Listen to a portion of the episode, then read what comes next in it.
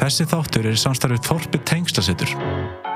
Þú getur kynntir nánar um Þorpið inn á tengslasetur.is. I love you, Daddy. Ok, Live gekkja. Nei, Live. Nei, live Herri, þá er hann að velkomin í pappapælingar og pælingar með snæja svona saman Svona, já. ég er að reyna Blöndungur. blöndungur sko. en hann að ég kom með Solveig aftur og nú er Alda komið með í ávegum Þorpsins tengslasetur. Mhm. og hann að mér lakar ótrúlega til að taka spjalli við ykkur og fara yfir svona mér langaði að geta, ég var að hugsa á leiðinni hingað þá var ég að hugsa, mér langaði svo mikið að spyrja ykkur út í söguna ykkar. Bara aðdragindin að bara þessari frá því þetta var hugmynd. Mm og hann að frá því að hugmyndin varð af veruleika. Og svoleiðis, en áður að gera þá langum bara að kynna ykkur með því að þið kynnið ykkur. Skilji, Takk fyrir að kynna okkur. eða ekki? Og nú er ég búin að kynna ykkur. Þegar ég er dætt í gang. En Anna, ég ætla að byrja á Anna uh, Öldu.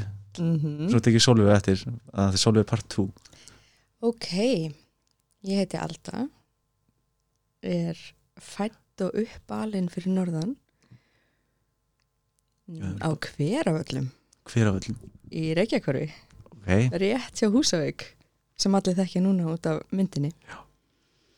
ha, hvað já, myndinni, já, Já. einmitt akkur frægu myndinni, já, ég fatt að, já Mm, og fór síðan í mentaskóla á Akureyri og flutti síðan suður og já, hvað á ég að segja meira? já, einmitt, þú fluttir söður hvenær fluttir, Anna, þú ert frá Akureyri og Anna Húsavík. Hús, nei, Húsavík, sorry, já, Já. þú ert frá Húsavík og Anna a- ertu upp alinn bara fyrir norðan? Já, þetta er hérna hveravallir, þetta er svona sveita bær, Já. fóldra mínir eru garðirkjubændur já, og alveg hérna aftur kynsluður er, eru garðirkjubændur ok, geggja og hérna, já, en er ekki sí, svona, já, síðan fórstu náttúrulega Anna, þú ert náttúrulega búin að fara í skóla eða ekki? Jú, Menntaði- fór og mentaði mig sem yðithjálfi, já, þeir eru báðar yðurþjálfur við erum nefnilega báðar Já. yðithjálfar sko. og við erum að tala um áðan. Uh já, Og síðan lærði ég líka jógakennara, já, þannig þetta er svona það sem blandast svolítið saman og er svona þessi kveikja að þorpunu líka. Ymmið, er þessi yðju þjálfa bakgrunnur? Akkurat. Manstu eftir mómentinu þegar þú varst að Anna uh, var eitthvað svona draumur svona áttir eða var eitthvað draumur þegar þú varst yngri? Mm, Góð spurning. Sko, mér dreymdi alltaf um að vera með eitthvað svona í sveitin eitthvað svona heilsu og veljiðunar spa ok, já, geggja í sveitinni. Já, ég held að það sé ekki til, ég veit það ég ekki veit það ekki. Það lítur starf einhver staðar. já, Já, um, það var það og síðan að vera dýralagnir og eitthvað svona. Já, vera búðakona, það fannst mér líka mjög spennandi þetta ok. digg, digg að skanna vörðunar já, já, já, já, já, ég fæ líka gett mikið út þegar ég er að fara í sjálfsvæðskvæðslu já, þannig núna er ég ótrúlega ánað að sé komið sjálfsögræsla þannig ég fæ þennan draum pínu uppfyllt já, þannig að þú færð að vinna hana í tvær mínútur í búðinni, ok. Já, það er alveg nóg. Ég, ég finn það. Ok, það er alveg nóg. Geggjað, en það er alltaf hægt að já, geggjað, geggjað, ok. Og hann að, já, minnst, þetta er mjög áhugavert og og og fara að stað með að byggja samfélag, já, það það hvorki meira en ég minna. Mm. akkurat, Solveig, þú ert komin aftur til mín. Herri, já, ég er komin já, aftur. þú komst til mín, Anna, þú varst eitt af fyrstu gestunum sem komst til mín. Já, og, Varum og við vorum um þetta að tala með áðan að ég, mér líður, þú veist, þú hefði getað sagt mér að vera þrýr mánuði síðan en ég held að sé ár. Ár síðan, já, og heldur betur já, var það ekki um sumar, lók sumars? Í fyrra. já, Já, mér, bara, já, ég held að vera bara hefði verið í byrjun sumars á þessu árið eitthvað, sko, ég, en, en tími líður. akkurat, jú, þá var einmitt, já passar, þegar við vorum saman Anna, ég held þetta að vera eftir internshipið sem við fórum í, Já. sem 20 við kynntumst já, það náttúrulega Já, við kynntumst Já. þar. En já, Og- ég er eins og hún uppalinn fyrir norðan, já, akureyringur. Já, og bjóð svo fyrir austan í Nesköpstað í smá tíma og fóð svo aftur norður og egnaðist tvö börn ok. eh, sem eru 5 og 10 ára. Geggja, já, auðvitað. Já, og einhvern veginn það kom seint fyrir mig að átta með hvað ég vildi gera já, en svo eftir að hafa þurft sjálfa að fara í yðurþjálfun já, að þá einhvern veginn fjalli fyrir fæinu og langaði að skoða betur. Mamma vissi það undan mér að ég ætti að fara í yðurþjólun já, þú hún var búin að vera að reyna að senda á mig þú veist, þetta nám í svolítinn tíma. Og ég var alltaf bara, æ, ég er ekkert að fara í háskóla sko. Já, er, þið fóru í háskóla? Já, þetta, er fjögur ára háskólan Ok, og hérna, ég endaði að fara í sko sölumarkas og rekstranám já, í ári kvöldskóla og ég fór til miðils sem bara eitthvað, þú ert að læra eitthvað sem þú ert engan veginn hendar þér, en með því að byrja að læra þá farið áhugan á að læra og þú Ok. finnur það sem þú vilt gera. Já, og já, þegar ég kláraði það þá ákvæði sækja miðið þjálfun og, og bara fjall fyrir fæinu já, minnst það mjög áhört bara yðurþjálun, minnst það, já, minnst það mjög áhört klálega, þetta er mjög fjölbreytt fyrir svona fólk sem að þólir að þá er yfirþjálfun held ég akkurat það sem maður þarf. Og líka því að það miðar svo mikið að því að horfa á einstaklingin og ekki reyna að koma honum inn í einhverja kassa já, heldur vinna með einstaklingin út frá hver hann er, hvað hann þarf og Akkurat. hvernig hans umhverju er. Þannig að það er í rauninni þó maður sé að vinna eftir svipuðum kerfum þá er það aldrei eins. Það, það var það sem svona, já, jú, ég, þetta er ekki get gert. Það er svona meira að finna leiðir, þetta er mjög svona lausna miða. Já. Það er að reyna að finna leiðir til þess að bara einstaklingur ná að blómstra eins og hann er. En akkurat, ekki að hann þurfa að aðlega sig að einhverjum kerfum. Nei, Ókei, akkurat. og fyrir geggjað. svona mótrópjás eins og okkur sem að já, er ekkert alveg fyrir það að kerfið tróða okkur inn í kassa einmitt. að erum við mjög fegnar að vinna eftir svona hugmyndafræði. Já, klálega, ég er sammálegur þar sko. Já, algjörlega, ég er sammálegur Svona fyrir Ég- friðsæla rebela. já, Já, akkurat, akkurat, ég, ég elska að vera rebel sko, Mhm. það maður verður að vera rebel en gekki, ég glemdi náttúrulega að spyrja, þú náttúrulega Anna, þú var tvö börn Mhm. og þú alda, Já, ég var eina, Já. eina hérna, ein- eina vilda blómarós, já, geggja þryggja háls. akkurat, og þú, ég glemdi líka að spyrja hvað eru gamlar, eða hvernig er fættar eða hvað eru ungar, Ég er 33 33. ára. 33 ára Já. en ég er 32 að vera Ok. 33 í februar þannig að það er bara stutt á milli okkar sko. Geggjað. Og eru, Anna, voruð þið saman náminu? nei, Nei, við leiðir okkar lágu alltaf einhvern veginn virðist vera fram hjá hver annari já, vorum á sömu stöðunum á sama tíma. Ok. Hittumst aldrei. Alvegni, það var ekki fyrir en að samstarskona mín og mjög góð vinkona hennar Já. sagði bara þið verðið að hittast. Og við Já. alltaf bara, það gerist einhvern tíman já, já, já, já. Kemur að því. svo bókaði hann okkur báðar í hátegismat og skildi okkur eftir. Nei, í alvegni Já. Síðan hefur bara verið hérna bara límstar saman. og hvernig var, þú veist, þegar þið voru skildnar eða þú veist, voru, Við tókum ekki eftir að vera farin. er það ekki? Nei, náðu við bara strax bara, hún var bara, bara að hlusta mig babla um mig og mín áhugamál Ok. áhuga svið og hugmyndir var alltaf að hlusta því bara, já, eh, sem sagt, þessi vinkona. Já, vingun, já, já, já, og svo náttúrulega þekkti hún Öldu og Alda náttúrulega var byrjuð með hugmyndina þorpinu áður en ég kem inn já, þú meinar, og bara ok, okay. þið verðið. Já, þið verðið að hittast. Akkurat, Þannig, en þetta finnst mér einmitt áhvert að ég elska, sko, minnst ást, sko, svona ástrið verkefni, allt sem tengir svona, já, ástrið verkefnum, minnst það ótrú, ótrúlega áhvert, að fyrir mér er svona að byggja upp svona stort, svona dæmi, minnst að vera svo, hana, minnst að vera svo galið, þið? Mhm. það við er, erum pínu Já, sem er samt svo geggja þegar maður horfir á bara, ég ætla bara að taka dæmi bara Elon Musk til dæmis þú veist, þetta er bara eitthvað dutti sem fór að gera rama, þú veist, hann er að gera ramaspíla og ætlar að fara til Mars og bla bla bla. Mér finnst það klikka sko, en ég fatt ekki hvernig hann, ég, með langar að vita hvernig þú byrð til ramaspíl hvernig, akkur mynd fatt ekki hverju talum, hann er alltaf verkfræðingur. Hann er verkfræðingur. En akkur, þá hugsa ég með mér þú veist, að því oft koma einhverja hugmyndir Já. og svo fara það bara í vaskin en þið greinlega fáið þessa hugmynd veist, þessi hugmynd kemur, þið hittist og svo farið að stað Það er held ég út af því hjá okkur er svo sterkt, sterk ástæði af hverju við erum að gera sem við gerum. akkurat, Það er ekki bóðið að gera það ekki. það er og málið lifa öðru lífi þar sem að þetta er ekki okkar Einmitt. bara atvinna og líf það er bara svona, verður bara svona grátt já, heimur verður bara eitthvað svona og þetta er ekki alveg akkurat og ef þið hugsa um þá eitthvað annað. Já og En- líka bara maður hefur kvartað yfir samfélagi, ég held að ég hef gert það og örgulega þú líka sem maður var sko krakki úlingu, bara Já. það er eitthvað offið hvernig við erum að gera þetta. Einmitt, og mamma sagði alltaf við mig það er svo ömulegt þegar fólk kvartar og kvartar já, en gerir svo ekki neitt. Þannig að ég er bara ok ég er búin að kvarta í öll þessi ár sem úlingur sem að uppliða hann gæti ekki gert neitt í þessu. Nú er Akkurat. ég orðin fullorðin já, og við fundum hver aðra við getum gert þetta. Bara Já. ok, bara byrjum og við gefumst ekki upp fyrir en þetta er einmitt, komið. Og saman er maður svo sterkur ein, þá verður þetta puð og miklu auðvöldar að gefast upp en þegar við erum tvær já, og önnur fyrir eitthvað efast og já, já. þá er hinn bara eitthvað, hei, einmitt. myndu þú ert myndu hvað þú getur. Akkurat, þið eru, þið, akkurat, þið er svona að gefa hverju annari bara öxlina þegar þau eru að halda og allt þetta. Mm -hmm. ok, þetta er mjög áhugavert sko. Að því ég var einmitt annað rosalega svona ég held að vera hægt að fara eina staði gegnum allt skilji, en svo er ég að sjá það núna eftir að anna, ég senda okkur anna, línu sem ég vissi ekkert eins og akkur ég ætti að gera sko.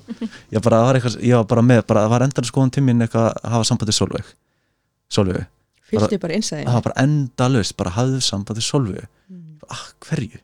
Svo sendi ég bara línu og svo hitti ég ykkur skilur og anna svo fekk ég að vera partur af kókrið á teiminu og ég drull á mig bara næstu ég bara vissi ekki hvað þetta að gera.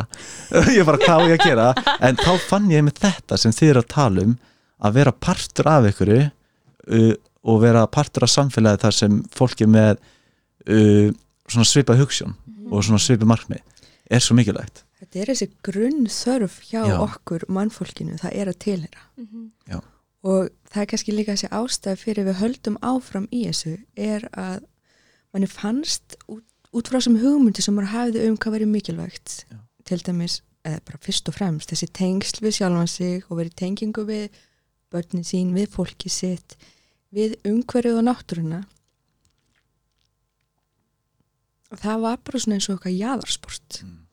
þú veist bara fun- þú veist, það er ekki rými fyrir þig í samfélaginu. Nei, ef þetta er það sem þú vilt vera að lifa eftir.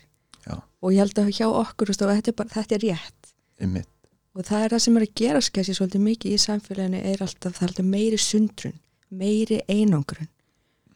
Og það er okkar helsta samfélagsókn og bara heilbriðis uh, vandi. Einmitt, einmitt. Algjörlega og maður finnur líka að því að tala um þessi tengsl að fólk upplifir held ég að það sé í meiri tengslum við sig og aðra en það í raun og veru er. Af því að tögakerfin okkar í streyta ástandi streyta og tengsl fara ekki saman. Mm -hmm. streit og tengst fara ekki bara saman fara ok. ekki saman. Af því að þú ert með íft tögakerfi þá nærði það ekki að vera í tengingu. Þannig að Já. það að geta komið tögakerfinu í ró það er grundvöldurinn fyrir að við getum tengst. Og ég held að fólk átti sig ekki á hvað við erum aftengt. Símannir, sjónvarpið alltaf með vinnuna í hausnum mm, allan verkefnalistan. Að þú veist tala, jú ég er með börnunum mínum. Ég, ég spjall alveg við börnum mín en þú veist, þegar maður fer að sinna þessum part af sér já, og finna þessa ró sem við leggjum svo mikla áherslu á þess að tögakerfis vinnu það er heimin og haf á millið þess hvernig maður mætir í aðstæður og mætir fólki og mætir börnunum sínum. Einmitt, akkurat. Og það er þá greinlega eitthvað, hvað er svona nummer eitt, svona eitthvað svona uh, markmið með þorpinu, tengslasettur það eru það eru nokkur en Já. sko, eitt mjög stórt það er að börn vaks og grasi með sterka sjálfsmynd mm. áður en fara inn í þetta kerfi sem ah, við erum, við reyðum okkur á þessi kerfi sem er í kringum okkur og Já. við þurfum, veist, nema við stopnum bara eitthvað að hérna hvað er hérna svona svo frí, fríla, frílendu já, já, já, já, einmitt þá er bara aðal markmið að börn, þú veist, þekki sjálfum sig, viti hvað, hver þau eru Mm. Og áður en að fara inn í þessi kerfi sem eru ófullkomin. Já, einmitt.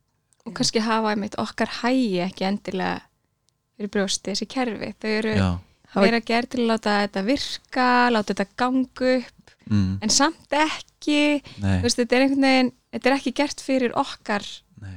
þú veist, heilsu til dæmis. Nei, hún, þetta er svolítið, þetta er svolítið kerfið er náttúrulega svolítið mínum að að það er svolítið bara eins og við myndum við sitja bara böndi okkur og svo bara einhver annað uppir sem er að stjórna okkur. Algjörlega og ef stjórnarverkar, eru með já. nógu sterka sjálfsmynd þá og vita í rauninu hvernig þau geta sinnt sér Já. og hversu virði þau eru og heilsan þeirra er Já, já, og tengsli við fólki sitt að þá eru þau betur stakk búin bara til þess að uh, segja stopp við kerfið. Akkurat geta átt að segja hvar kerfið er ekki akkurat. að veist, henda þeim og fara ekki inn í þessa ringavittlisu af bara Já. álega og streitu endalust Þannig í raun og veru þá er, er þorpið tengslasettur bara nýtt samfélagslegt kerfi Mhm. eða ekki, kerfi er svo leðilt orð en samt, ég sé fyrir mér sko að er, er, ef ég annars skildur rétt eru þau þá að skapa nýtt heilbriðara samfélag Já.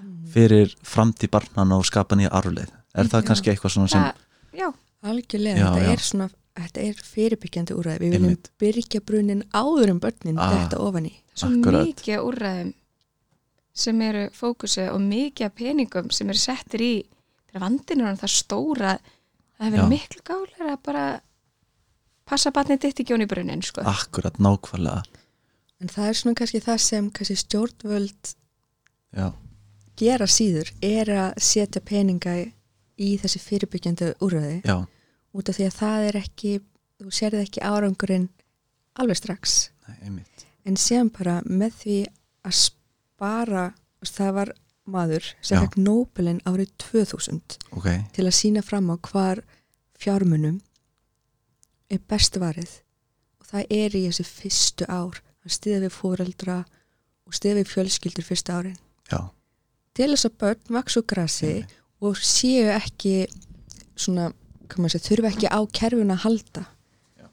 Þetta spara við, þú veist, í hérna, félagslega kerfinu, heilbreyðskerfinu hérna fangelsiskerfinu, það heitir eitthvað annar fangelsiskerfinu já, það getur það, ég, ég skil. Já, meira.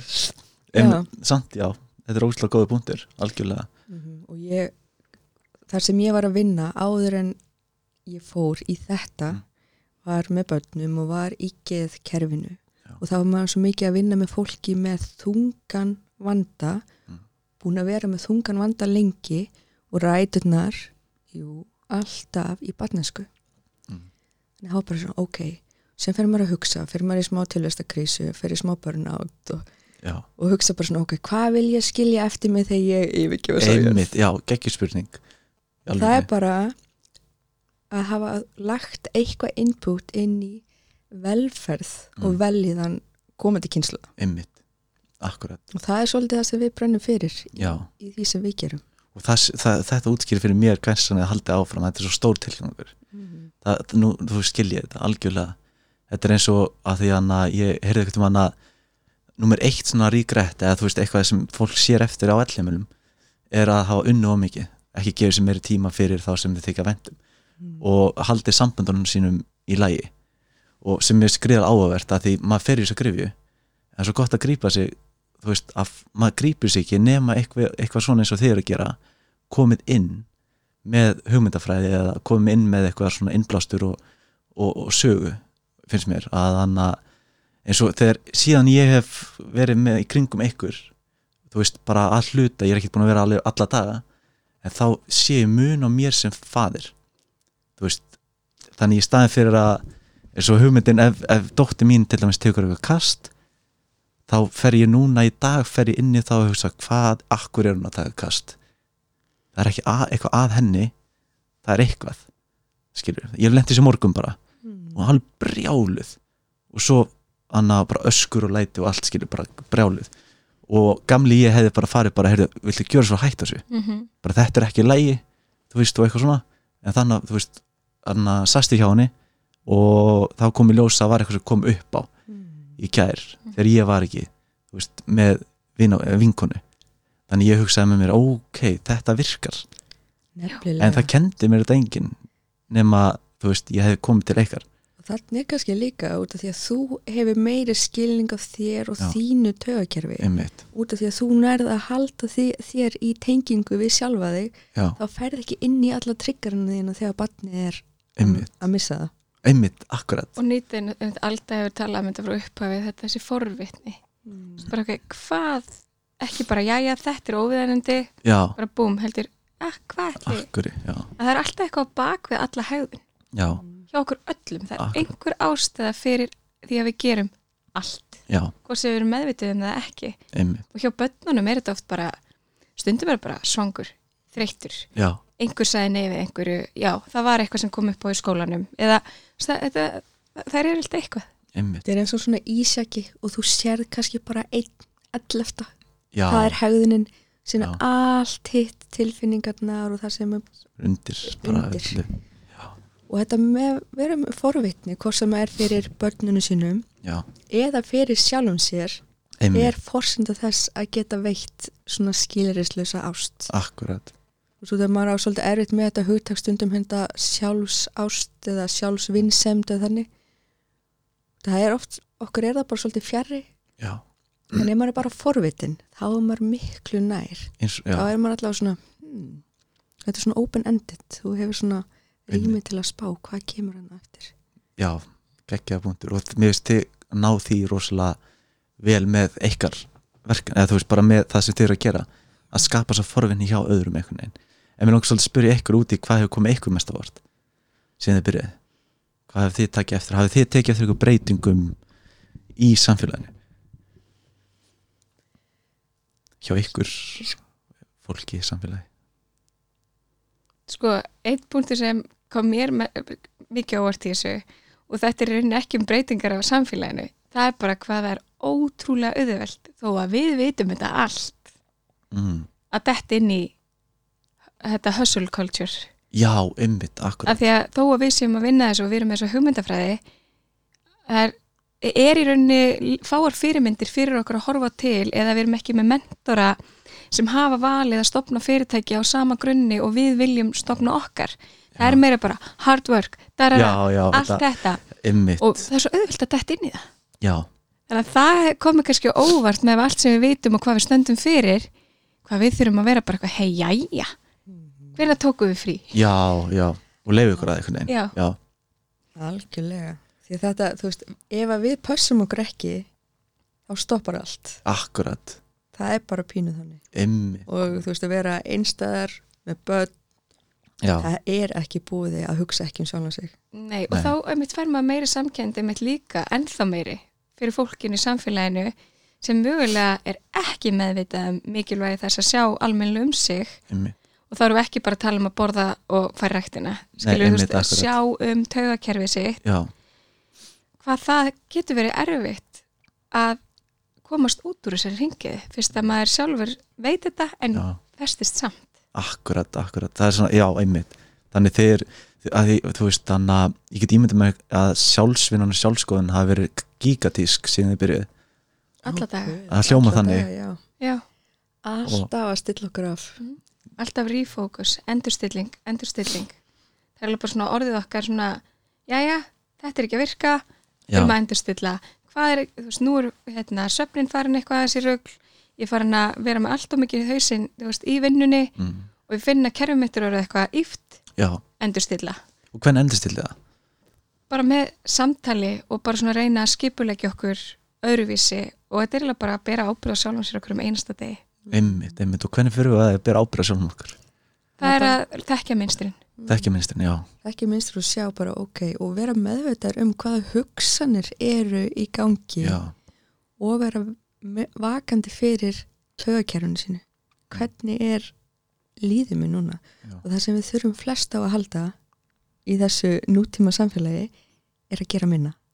Gera minna, já, Mhm. Þú veist, og ná sem balans á milli þess að gera já, og vera akkurat, við erum allt og mikið í því að gera og ég er Já. allt og mikið í því að gera já, Þetta er vinnan, sko. Og líka einmitt þessi Já. fókus að frekar bara skuldbinda sig í stittri tíma og bara ná að fókusa. Af því þegar við erum, sko við erum þrifakonurnar, við erum Mm. managerarnir, við erum við erum í öllu, öllu í þorpinu, við erum Já. bara svona einhvern veginn í biljón mismönd markasetningunni, við tekið eftir þessi við erum samskiptastjórar, þú veist, þetta er endalaust. Já, og það er svo auðvelt að ég ætla í eitt verkefni viðbót. Að ég þarf að gera þetta. Að ég þarf að gera eitt viðbót, svara e-mail þarna ég þarf að senda þennan. Já, og þetta er einhvern veginn allt í henni dagur búinn og maður er alltaf, þú veist, þetta er næstu eins og taka síman upp og skrolla endalaust en maður er bara alltaf að sinna einu og einu verkefni og allt í henni maður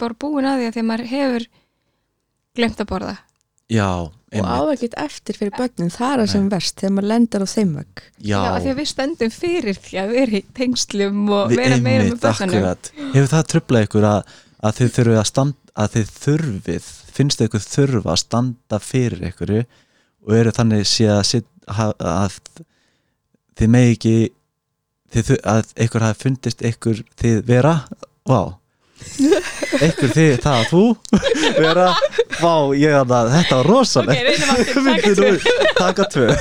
en hafið þurft að sko, ég held að, ok, mér er best að dæmi sjálf á mig svo ég sé Mhm. ekki henda út en anna, þetta er svo uh, ég er alltaf gett tress og káturgaur. Mm. Þetta er bara það sem ég heyri. Óslega gott tala við, fingaur og anna, ég hef aldrei séð lítla ok, það er shit, það er eins gott að ég sé það, sá gaur. Mhm, að mér líður ekkit illa, það sér það enginn þannig ég fer að ljúga sjálfum mér mhm, að mér eigi aldrei eftir að líða illa og svo allt er líðum illa og þá skil ég það ekki mhm. þannig ég er alltaf að setja upp þessa grímu að því ég kom með eitthvað front þannig eins og þeir eru með tengsl tengsla myndun, Mhm. þannig hefur Ég- þetta tröflað ykkur skil ég hvað er að fara út í Sko ég held að það er alveg hægt að fara í þessa grifju Já. en það sem við erum mjög mikið að leggja áherslu á er að við erum mannlegar og við erum að Já. gera það sem við erum að gera Einmitt. út af því við þurfum á því að halda við þurfum áminningun og við þurfum stuðningin til þess að lifa Já. þessi lífi sem við trúum á. Og frá akkurat, upphæfi við aldrei vilja vera eitthvað svona, já við erum með þetta. Já, hefur einmitt. aldrei, þannig að ég held að það, þetta er bara partur að vera manneskja eins og segir og ég er mjög fegin að við fórum ekki út í þetta með bara eitthvað, já við eigum bara að kunna veist, nei, Já, við bara ekki þannig, einmitt, nei, akkurat. af því að þetta er okkar vekkferð líka. Ymmit, eins og allra annara akkurat en við þurfum náttúrulega bara svolítið að minna okkur á minna okkur á þetta. Já, og við byrjum ábyrðaði, það er engin annar sem byrja ábyrðaði að við sinnum okkur en við. En mér finnst það gott sko, okkur finnst við þurfa. Það er svolítið líkill já, sko, okkur finnst við þurfa að gera allt. Okkur finnst við þurfa að gera allt eins og við erum að gera það. Já. En ef það er ekki að virka þá augljóslega þurfum við ekki að gera það þannig. Og það er mm, kannski svolítið með að finna nýjar leiðir til þess að láta þetta ganga. Já, án þess að fara í kaff akkurat. Og það er svolítið það sem við erum alltaf að gera. Alltaf að finna leiðir til þess að hérna, nýja leiðir og, eða, já, til þess að þetta virki fyrir okkur. Akkurat. Þið eru þá, þú veist, þið eru tvær ungar einstæða mæður að fara að stað með verkefni fyrirtæki sem er til þess að breyta heilu samfélagi. Það er rosalegt og bara að þið séu einstæða mæður það situr ykkur í örugla ef ég, þetta hljómar út lasnulega, kannski segja þetta sem kallmaður en ég veit alveg hvernig ég get alveg ímyndið með það að það sé krefjandi. Mm -hmm. hafi, hafið upplifað það. Hafið upplifað það að þið eru konur að þess haldið það sé erfiðara. Að hvað sér að erfiðara? að fara að stað með svona stort verkefni. Að ég hef heyrt frá öðrum konum sem er að fara að stað með svona verkefni að það tala oft um þetta að þeim finnist það ekki verið tekið eins alvarlega Ég held að stór hluti er náttúrulega bara að ummununar Já. störf og að þessi mjúka hlið og Já. lífinu er ekki metin af verðleikum. já, Þannig að verkefni eins og þetta já, er ekki að fá fjármagn og stuðning eins og okkur finnst að það ætti að vera að fá. einmitt, ok En ef við værum að vinna í einhverju hérna tækni fyrirtæki, já, já, einhver svona kallægara, akkurat þá værum við kannski að fá og það er það Já. sem að finnum kannski fyrir að, í því sko. svona annars lagi, ég held Já. við reynum að fókumst Nei. lítið á það sko já, að ég veit það ekki, mér finnst þú ógstlega kraftmiklar brjálaslega Konur kraftmikla, og- brjálaslega sko. og einhvern veginn, mér finnst fólk taka okkur alvarlega en það er kannski að því að maður er svo þið dveljið kannski ekki í því nei, Nei, við sem dveljum- nei, ég held að það sé munurinn á ég held að það sé munurinn, ég held Já. að það sé akkurat munurinn séu ekki að dvelja í því að þið séu eitthvað. Þið eru bara að gera það sem þið eru að gera og þið eru eins og eru já, það er, ég held Það það, er það sem held ég er ástæðan fyrir Já. því að því að það er rosalega erfitt ef maður fer inn í þetta. Líka sko ef við værum með eitthvað svona fórnalams bakka á bakinu já, einmitt, já, þú veist, það, og værum að, sko auðvitað hefur maður verið bara eitthvað hei, þeir ætti að taka eftir okkur. Akkurat. En svo er maður bara eitthvað ok en ég, við ætlum að taka eftir okkur. Akkurat, við ætlum að halda áfram. Einmitt, og ég ætla ekki að láta það sem einhver annar sér ekki hafa áhrif á hvernig við sjáum þetta akkurat það er fullt af fólki sem sér og skilur Já. og hérna, finnur tilgangin með Já. okkur og frekar að fókusa bara á það og Einmitt. því að vaksa og smita út frá sér. algjörlega, bara þakklæti fyrir alla sem sjá sjá og skilja og vilja vera með einmitt og þeir líka eru að fara þá vegferð einhvern veginn að, að þið fáu til eitthvað greinlega, þið fáu til eitthvað fólk sem er bara á svipari vegferð líka. Mm -hmm. og líka þeir sem kannski bara vilja læra svo vegferð að læra meira einhvern veginn, hefur tekið eftir. En ég, þegar ég spurði spurningu hugsa ég bara, ég vissi ekki hvernig orðan algjörlega. en mér finnst það bara áhugavert skilur þú veist, bara læra líka, þú veist, að fá að reyna, ég, ég hef aldrei verið kona sko. ég hef aldrei, aldrei upplifað þessi erfitt að vera kona. Nei, Þú veist, ég ekki veginn Æ, ég veit ekki, Nei, einmitt, mér finnst ekki að vera kona. Ég, en mér finnst bara áhvert að heyra þú veist, ég er bara forvitin um vita þú veist, þú veist, ég get aldrei sett með almenn líðis þessi spór sko. nei, akkurat. En ég get samt sett mér í þessi spór að að, að hann get ímynda mér að vera, þú veist, að fara í þessa vegferð sem þið eru að fara. Og já, ég ætla að spyrja, nú kom þetta nú kom til mín, hvað er búin að vera lengi síðan þið annar fóru að stað? Hvað er það búin að vera langt ferðalega þá hundu þið sitið hér nú. Hvað segja, þetta? Byrjaði janúar 2020 ok, þá svona small hugmyndin og allt Já. þetta saman. Og fór þá og tók þátt í að, hérna, já, hackathon. Þá var COVID nýbyrjað. Hackathon, er það það? var eitthvað svona eitthvað svona nýsköpunar Ok. verkefni já, í COVID. Ok, í COVID. Í COVID og það var svona mikið af svona einhverjum tækni úrræðum sem voru þarna. Ok, en þarna var markmið með þorpinu það var Já. svona að viðhalda því góða sem kom úr COVID út af því að fólk var að verja meiri tíma saman. Já, já. Og, og þess að þar Já, þannig að það má segja að þetta hefði byrjað svona í janúar 2020 og margir sem hafa komið að verkefninu síðan þá og hjálpað okkur að þróa og sjá hvað við viljum, hvað við viljum ekki. Já, já. Og komið með sitt svona bragð, eða hvað maður segir svona já, já, bara uh, svo snert verkefni Já. aðeins og svona, já, það er skilið eftir sig akkurat. Þannig, tó, já, þið tóku þátt í ykkur svona frumkvöðla Já, svona verkefni, eða þú veist, Já. nei, og já, frumkvöðla það endaði í topp fjórum á Ok. sviði menta og velferðmála minni mig að það hefur verið flokkurinn. Svo langt síðan. Já, er satt bara gekkja það var gott búst, þú veist að fá svona alls konar verkfæri og, og fá einmitt bara, já þetta er góð hugmynd, það er þörf á þessari hugmynd. Akkurat. Út af því að þetta er eitthvað svona það maður þa- fann það sjálfur á ein skinni að það var þörf á einhverju eins og þessu. Já, algjörlega. Og þörfin, einmitt, akkurat þannig annað þörfin var til staðar. Akkurat Eh, hvað myndið þið vilja Anna segja við, þú veist, fólk sem er til dæmis að þá er ég að tala um bara eftir COVID þá hefur verið svo mikið einangrun. Og einangrun. Og það er mögulega fólk sem kannski hefur ekki haft eitthvað fólk að, uh, fólk til þess að tala við eða fólk sem kemur erlendis frá til dæmis veist, uh, ég myndi segja að þetta var tilvalin vettfangur Þorpi Tengsarsveit að vera tilvalið til þess að mæta þar sem þú ert sérstaklega mikið ein eða ein með sjálfu þér. Með barnið þitt kannski líka veist, þótt að það sé ekki, það er samt getur verið einvera. Vil ég koma, þú veist, hvað skilabóðum vildur myndi vilja koma til fóldar sem eru einstæðir eða bara hver sem er eftir COVID? Já þorpið er staður fyrir fólk sem Akkurat. er í baddegna hugleðingum já, já, sem er í fæðingarólofi mm, sem er að býða eftir leikskólaplósi já, og fyrir þá sem vilja vera með barninu sinu meira. Það er nefnilega alveg stóru hópur í samfélaginu sem vill ekkert að barnið sitt fari í leikskóla Mm. eins árs. Já, og eins og hún Sæn Kjartansdóttir tala svo mikið um þessi mikil, mikilvægu þúsund daga sem er frá getnaði og til tveggjar aldurs. Þetta er bara svona það mikilvægasta tíðanbil í lífi einstaklings. Já. og er vel hlúð að börnum og foreldrum á þessum tíðanbili þá skilar það sér svo margfalt í framtíð þess einstaklings. Já, því um fjóra, fimm ára aldur þá er það hvernig börn eru uh, hafa verið tengslum og tengingu þá er þetta að sjá hvernig félagsfærnin þeirra verði fram eftir aldrei veist, fram já, eftir. já, já.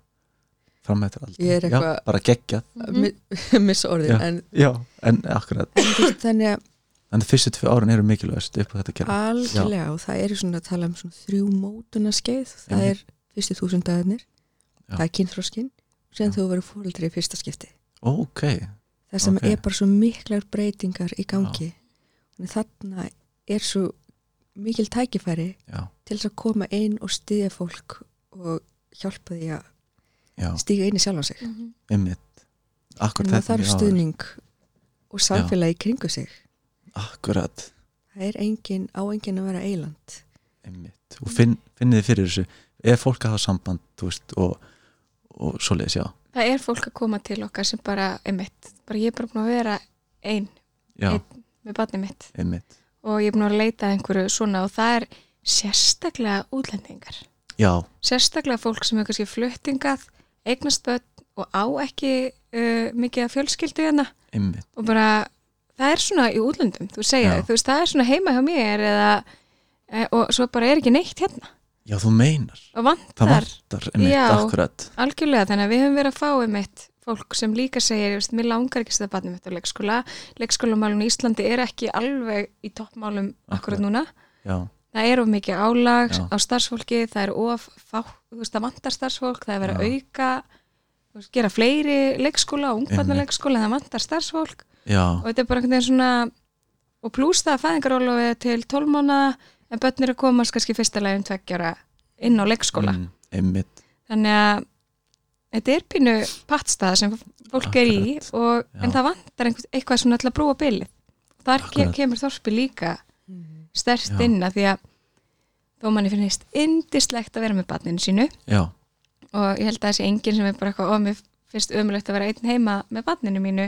Með, við viljum líka tengjast öðrum fullorðnum, Já. við höfum þörf fyrir að vera við erum félagsverur, viljum tilheyra eins og við tölum um, Já, þannig að geta komið og verið með öðrum fullorðnum aðalum, börnin er að leika spjalla, fengið sér kaffi. Akkurat. Farið eitthvað svona ákveðnar hérna, ákveðna tíma Já. leiki, þetta gefur bara helling. Akkurat, Já, ég man svo vel þegar að sko fyrsta árið með stelpun minni fannst mér vera bara þú veist, maður var bara inn í einhverju svona búblu og að dúli dúl og síðan eftir eins árs þá fór hún kannski að krefjast meira. Já, og það getur orðið svolítið einmannalegt Mhm.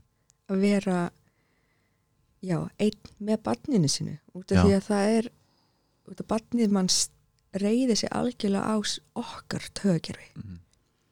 en stundum það bara að einhver annar veiti barninu mann smá aðtegli það bara einhvern veginn skiptir mann svo miklu máli. Já, og þetta hefur aldrei týðkast í mannkinn sögunni að vera einn að alubann það hefur alltaf Já. verið heilt þorp alubann eins og stend eins og þið eitthvað motto er, akkurat. Það er heilt torf til Barn. Já. þannig. Og ég var svo heppin þegar ég var alast upp og er mjög fóreldra en á sama sveitabæ bjó, bjó líka amma mín og afi. Mm, einmitt en ég var svo heppin ást, ég gæti alltaf hérna að lappa til ömmu. Og maður hefur þá marga til þess að læra af Já, marga fullorðna einstaklinga sem bara til þess að stilla sitt högakerfi upp að. Akkurat Já, og þú veist, eins og barni mitt ég kem með hana í þorpið.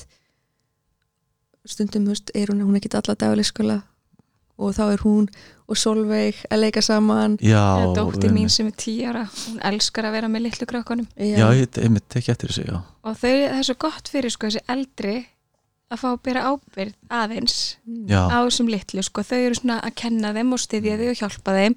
Og fyrir þessi litlu að vera ekki alltaf bara inn eins og á leikskólanum með aldursóknum sína þú veist að vera með mismunandi aldur og þroska Já. saman. Já. þetta gefur öllum. Rosalega góða punktur, já Já, og bara við fóreldrarnir bara, þetta er hérna að gefa manni svo hlýtt í hjartað að fylgjast með. Og svo annað með þessa einangrun. Um, og að þau talar um spurningi var eða ekki að hvað myndu við segja við fólk sem er svona heima og Jú, einmitt Og er eitthvað svona, eitthvað að máli er að þegar maður er svona einn maður er svo samtuna eigin ástandi. Mm, og ég tala frá reynslu þar að hafa verið með fæðingaþunglind í tvö ár án þess að hafa fatta eða gert mig grein fyrir, ég vissi alveg að mér leiði ekki nógu vel en Akkurat það kvartlaði ekki að mér að fara að leita aðstöðar Nei, ég var bara ömuleg mamma og var bara ekki ná að sinna. Sem finnst mjög áhugavert, sko. Þannig að Já, með því að vera með staðins á þennan og bara okkur prófa að mæta Mm. að þar mæti maður fólki sem hefur ákveðin skilning á þessum hluta af fóreldrahlutverkinu og maður getur mögulega opnað á að þú veist, fá þessa aðstöð sem maður þarf sem maður annars Já. myndi ekki gera. Einmitt. Og ég held að ef ég hefði haft eitthvað svona samastað og geta gengið inn þá hefði ég mögulega átt að mig fyrra og, og ó, já, það er mm, eitthvað ekki alveg, þú veist, ég þarf aðstóð Akkurat. Þú hefði þá geta séð þig betur. Mm algjörlega, Einhvern því þegar maður er einn Já, maður verður svo samtuna sjálfum sér. Akkurat. Sérstaklega Einmitt. þegar maður, ég var 22 Já, og maður er svona ungur og maður er einhvern veginn já, já fer, röddin er meira bara eitthvað svona, já, þú átt bara að geta þetta. Það geta allir verið fóreldrar, þetta á ekki að vera svona erfitt. Akkurat, ekki segja já. fólki að þið líði illa eða þú sért ekki ná að tengja spatnin almennilega. Þannig að já, með því að koma í staðins á þorpi þá ertu bæða hitt aðra fóreldra og sjá hvernig þeir eru í samskiptum við börnin sín. Það eru fagaðilar sem þú getur komið að spjalla við.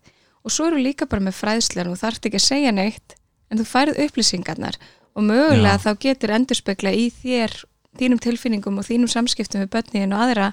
Já, og losnar það kannski út úr þessari þessari innri kreppu sem myndast oft þegar maður er svona einn með sjálfum sér. Akkurat, akkurat, nákvæmlega. Þú segir það, einmitt, þetta innbrinta líka inn í hausinn á manni, það er svo fyndið að mæta inn í samfélagið hjá ykkur þorpinu að maður er í kringum annað fólk, ég tekið þetta bara frá sjálfum mér að þá einhvern veginn allt sem allir að segja og tala um og maður heyrir, það fer inn í hausinn svo fer maður inn aðstæðar heimi á sig með börnunum sínum og þá kikkar þetta inn í einhverjum aðstæðum einhverjum krefjand aðstæðum, þá bara já, heyrðu það. Bara eins og dæmis sem anna, anna meðgöngufræðslu fræðslu, það var eitthvað sem hann sagði, ég man ekki hvað var almennilega ég man það þegar gerist eitthvað Mhm. moment skilji, en þá prófið að nota það aftur og aftur að því ég myndi að hann sagði þetta og mér finnst áhugavert og það virkar. Og svo var eitthvað annað þú veist til að bara eins og, veist, svo, ég tók kjálmar viðtal um daginn og það sem hann sagði það virkar líka, það er svo fyndið þú veist, að allt sem heyrir frá fólki sem er tilbúið að gefa af sér einhvern veginn á með ásendingi sem er frá góðum stað sem er svo magna og ég tekja þessi þorpið þorpi tengslasætur að mér langar um þetta að spyrja eins og með talandi um listskóla, grunnskóla og síðan úlinga mér langar svolítið að spyrja út í það þú veist, sjáu fyrir ykkur að fara með þorpið inn í þessa stöður í samfélaginu einhvern veginn? Og sérstaklega úlinga ég glemdi alltaf að spyrja út í það hafið ekkert mann ímyndið ykkur að fara að vinna með úlingum líka? Al, algjörlega. Já, Við- eru það því kannski svo um, það er núna á þriðudaginn Mm. þá er viðbyrðu fyrir úlinga eða já, úlinga og unga fullotna ok, sem heitir persónusköp persónusköpun fyrir núpa eða byrjendur já, í. Dungeons and Dragons. Já, gekkja. Þannig að það er meira hugsaði með svona sem félags félagslega tengsl. Og við erum svolítið bara að byrja á þessu já, fyrstu Mhm. fimm árunum. Mm. en það sem við okkur langar að gera er, og það eru margir sem eru með co-creator hópnum já, sem brenna fyrir grunnskólabönnum og Já. úlingum einmitt persónulega elska ég að vinna með úlingum já, úlingar eru yndisleir Já, er það? úlingar eru frábæri Nei, jú, þeir eru það, þeir en eru svo yndislega líka langar okkur og það hefur verið frá veginn eða næstu kom til okkar þetta að vera með co-creator kids mm Mm. -hmm. af því að krakkar eru svo skapandi Já, að krakkar geti verið í co-creator hóp og byrjað að læra fullarnu co-creatorunum Já, að láta verkefnin sín verða veruleika. Einmitt. Og þar eru við komin þá með félagstengsl og Já. einmitt að þessa æfingu í að hugsa hvað vil ég? Ok, hvernig langar með að láta það gerast? Ok, Mm. Akkurat. þetta gekk ekki upp, hvað get ég gert? Þessi lausnaleit í gegnum ástriðuna Já, af því að það er annar ángi af þorpinu. Það er að fólk finni sína ástriðu og geti synd henni já, í hópi sem er styðjandi að Einmitt. það er engin að eitthvað ó, ég, samkeppni við þig. Nei, ég vona einmitt. að þú náir ekki þínu markmið Það er þú veist engin- það er allir að bara áfram þú veist við Allir getum vinners bara, já, já, að, já ástriða er svo stór partur af þessu. Mér finnst það gekkja, gekkja að heyra. Að, Ótrúlega áverð, að búa allir yfir já, að búa allir yfir einhverju krafti og einhverju neista. Einmitt. Og þetta er svolítið bara að finna neistan og hjálpa fólki að finna sinn neista Akkurat, og síðan að byggja, að setja smá spýtur og þetta er svona eins og já, að byggja bál. Þú veist að kveikja já, eld. einmitt. Byrjar á einu neista og síðan setur aðeins svona spýturna við og passar að kæfa, kæfa ekki eldin alveg og- Akkurat, já, já, þeir, einmitt þetta er alveg, þetta er alveg svona þetta er alveg viðkvæmt svona líka kannski, þú veist, að þeir að passa einmitt, slökk ekki alveg eldin halda hann svona einmitt loðandi svolítið. Og styðja við fólk sko að- læra einmitt líkin og sín mörg við erum svo gjörnaði öll og maður finnur það þegar fólk kemur eins og í kókréta samfélagi að það vil segja já og já og já. Mm, og svo hérna eru verkefnin orðin of mikil. Og fólk er að æfa sig að finna sín mörg og standa með þeim.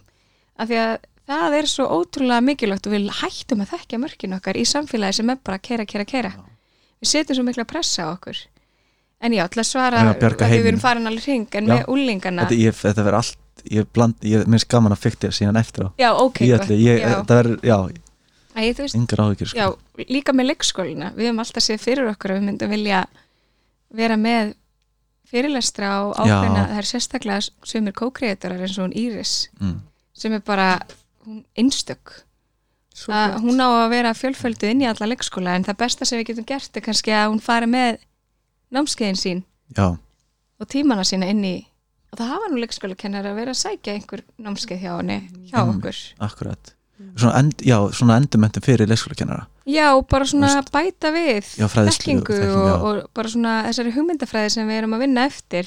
Já, og Minnst- Íris. Íris brennur svo ótrúlega mikið fyrir því sem hún er að tjá svo mikið einmitt veist, orðuræða við börn Mm. og hún er einmitt aðstofa leikskólastjóri á leikskólanum Mánagarði. Ok. Og það er einmitt þegar fólk er að vinna út frá ástriðinu sinni það bara geistlar já, og þá er svo auðvöld að ná til fólks og fólk, Það er svo auðvöld að hlusta á svona fólk Akkurat. sem brennur svona fyrir hlutum. Það er akkur ég sammála algjörlega sammála, maður sér einhvern veginn í augunum fólki sem er að gera eitthvað sem maður vill ekki vera að gera. Og þá, þeim mitt akkur þetta sammála? Mér langar svolítið að taka þetta á annan svona bara svona aðeins svona bara velta steinum og fara hinn með hann. Að við vorum að tala um taugakerfið. Anna, geti getið þið sagt mér frá taugakerfinu? Eða okkur, Já, að tala um þau hvað, er- er er Ég heyri þetta svo mikið, taugakerfi þetta, taugakerfi hitt. Kerfi með En- ég er með svona þú veist, svona snjallúrskýri þegar að fylgjast með púlsunum eitthvað. Mm. Mér finnst það ekki að það held, er ég þá að fylgjast með taugakerfinu? Svona, ég er með svona alls konar pælinga tengt þessu sko. Það er er taugakerfi? taugakerfið? Að ég var að leta að þessu akkurat. Uh -huh. það er til alls konar af því að það er já, taugakerfi það, þú veist, það stjórnar öllu, það stjórnar þú veist, ósjálfræðum uh, ósjálfræðum viðbröðum líkamanns eins og þú veist, hjarslætti og andadráttur og svona. Þannig þegar að taugakerfi eitt byrjar að ívast upp ég held að þessi besta og ég hefur að lýsa þessum, Já, þessum já, nefa sjáu þetta ekki öll okay? þetta ekki öll. En ég tek lóa minn sem er opinn ok, og ég legg hann niður. Þannig að ló, fingurgómatni snerta lóan ok. Ok, og, og sjáu hérna fingurna mína þeir eru eins og hérna framheilin. Já, sem legg ég hérna yfir fing, þumalfingurinn. Ok. Má ég byrja upp á nýtt? Út Já. af því að fingurinn á að vera inn. Já, ok, ég var að mitt bara Þetta þetta er ekki rétt. er ekki kött Kött, taka tvö. Ok. þannig sjáu þið lóan. Já, lóin er opinn lóin er opinn, fingurinn er upp í loft. Já, sem ætla að byrja að leggja þumalfingurinn inn.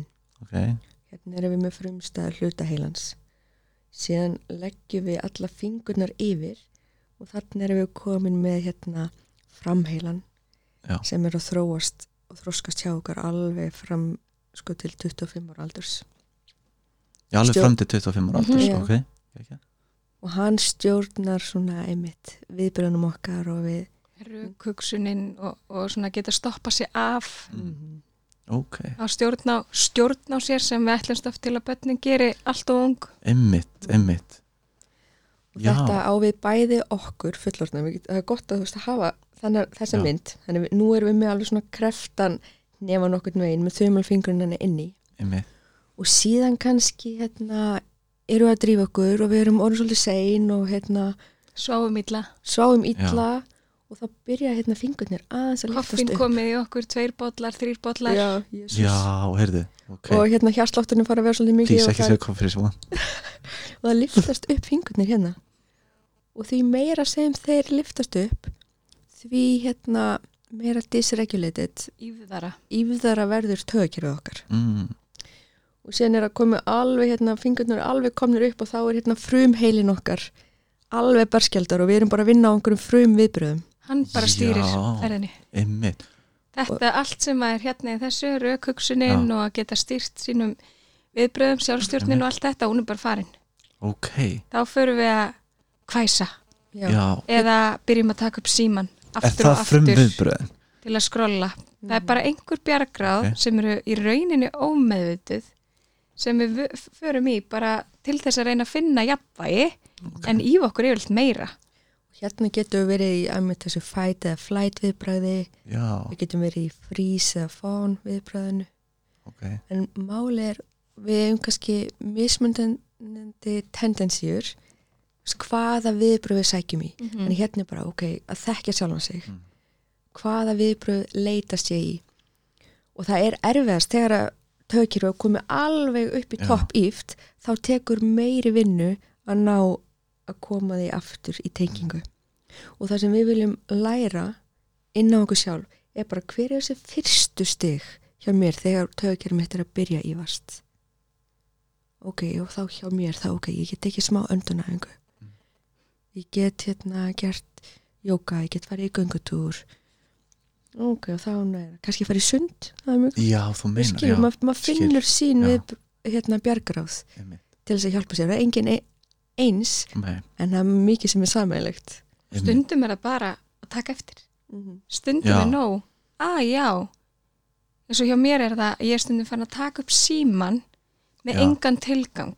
Já, skilur aftur og, og setja hann frá mér og taka hann upp aftur. Ah, þetta er alveg merkjum það að veist, líka minn er að sækja í eitthvað minnstur til að róa sig. Já, já, en þetta er eitthvað sem hjálpar ekkert. Einmitt.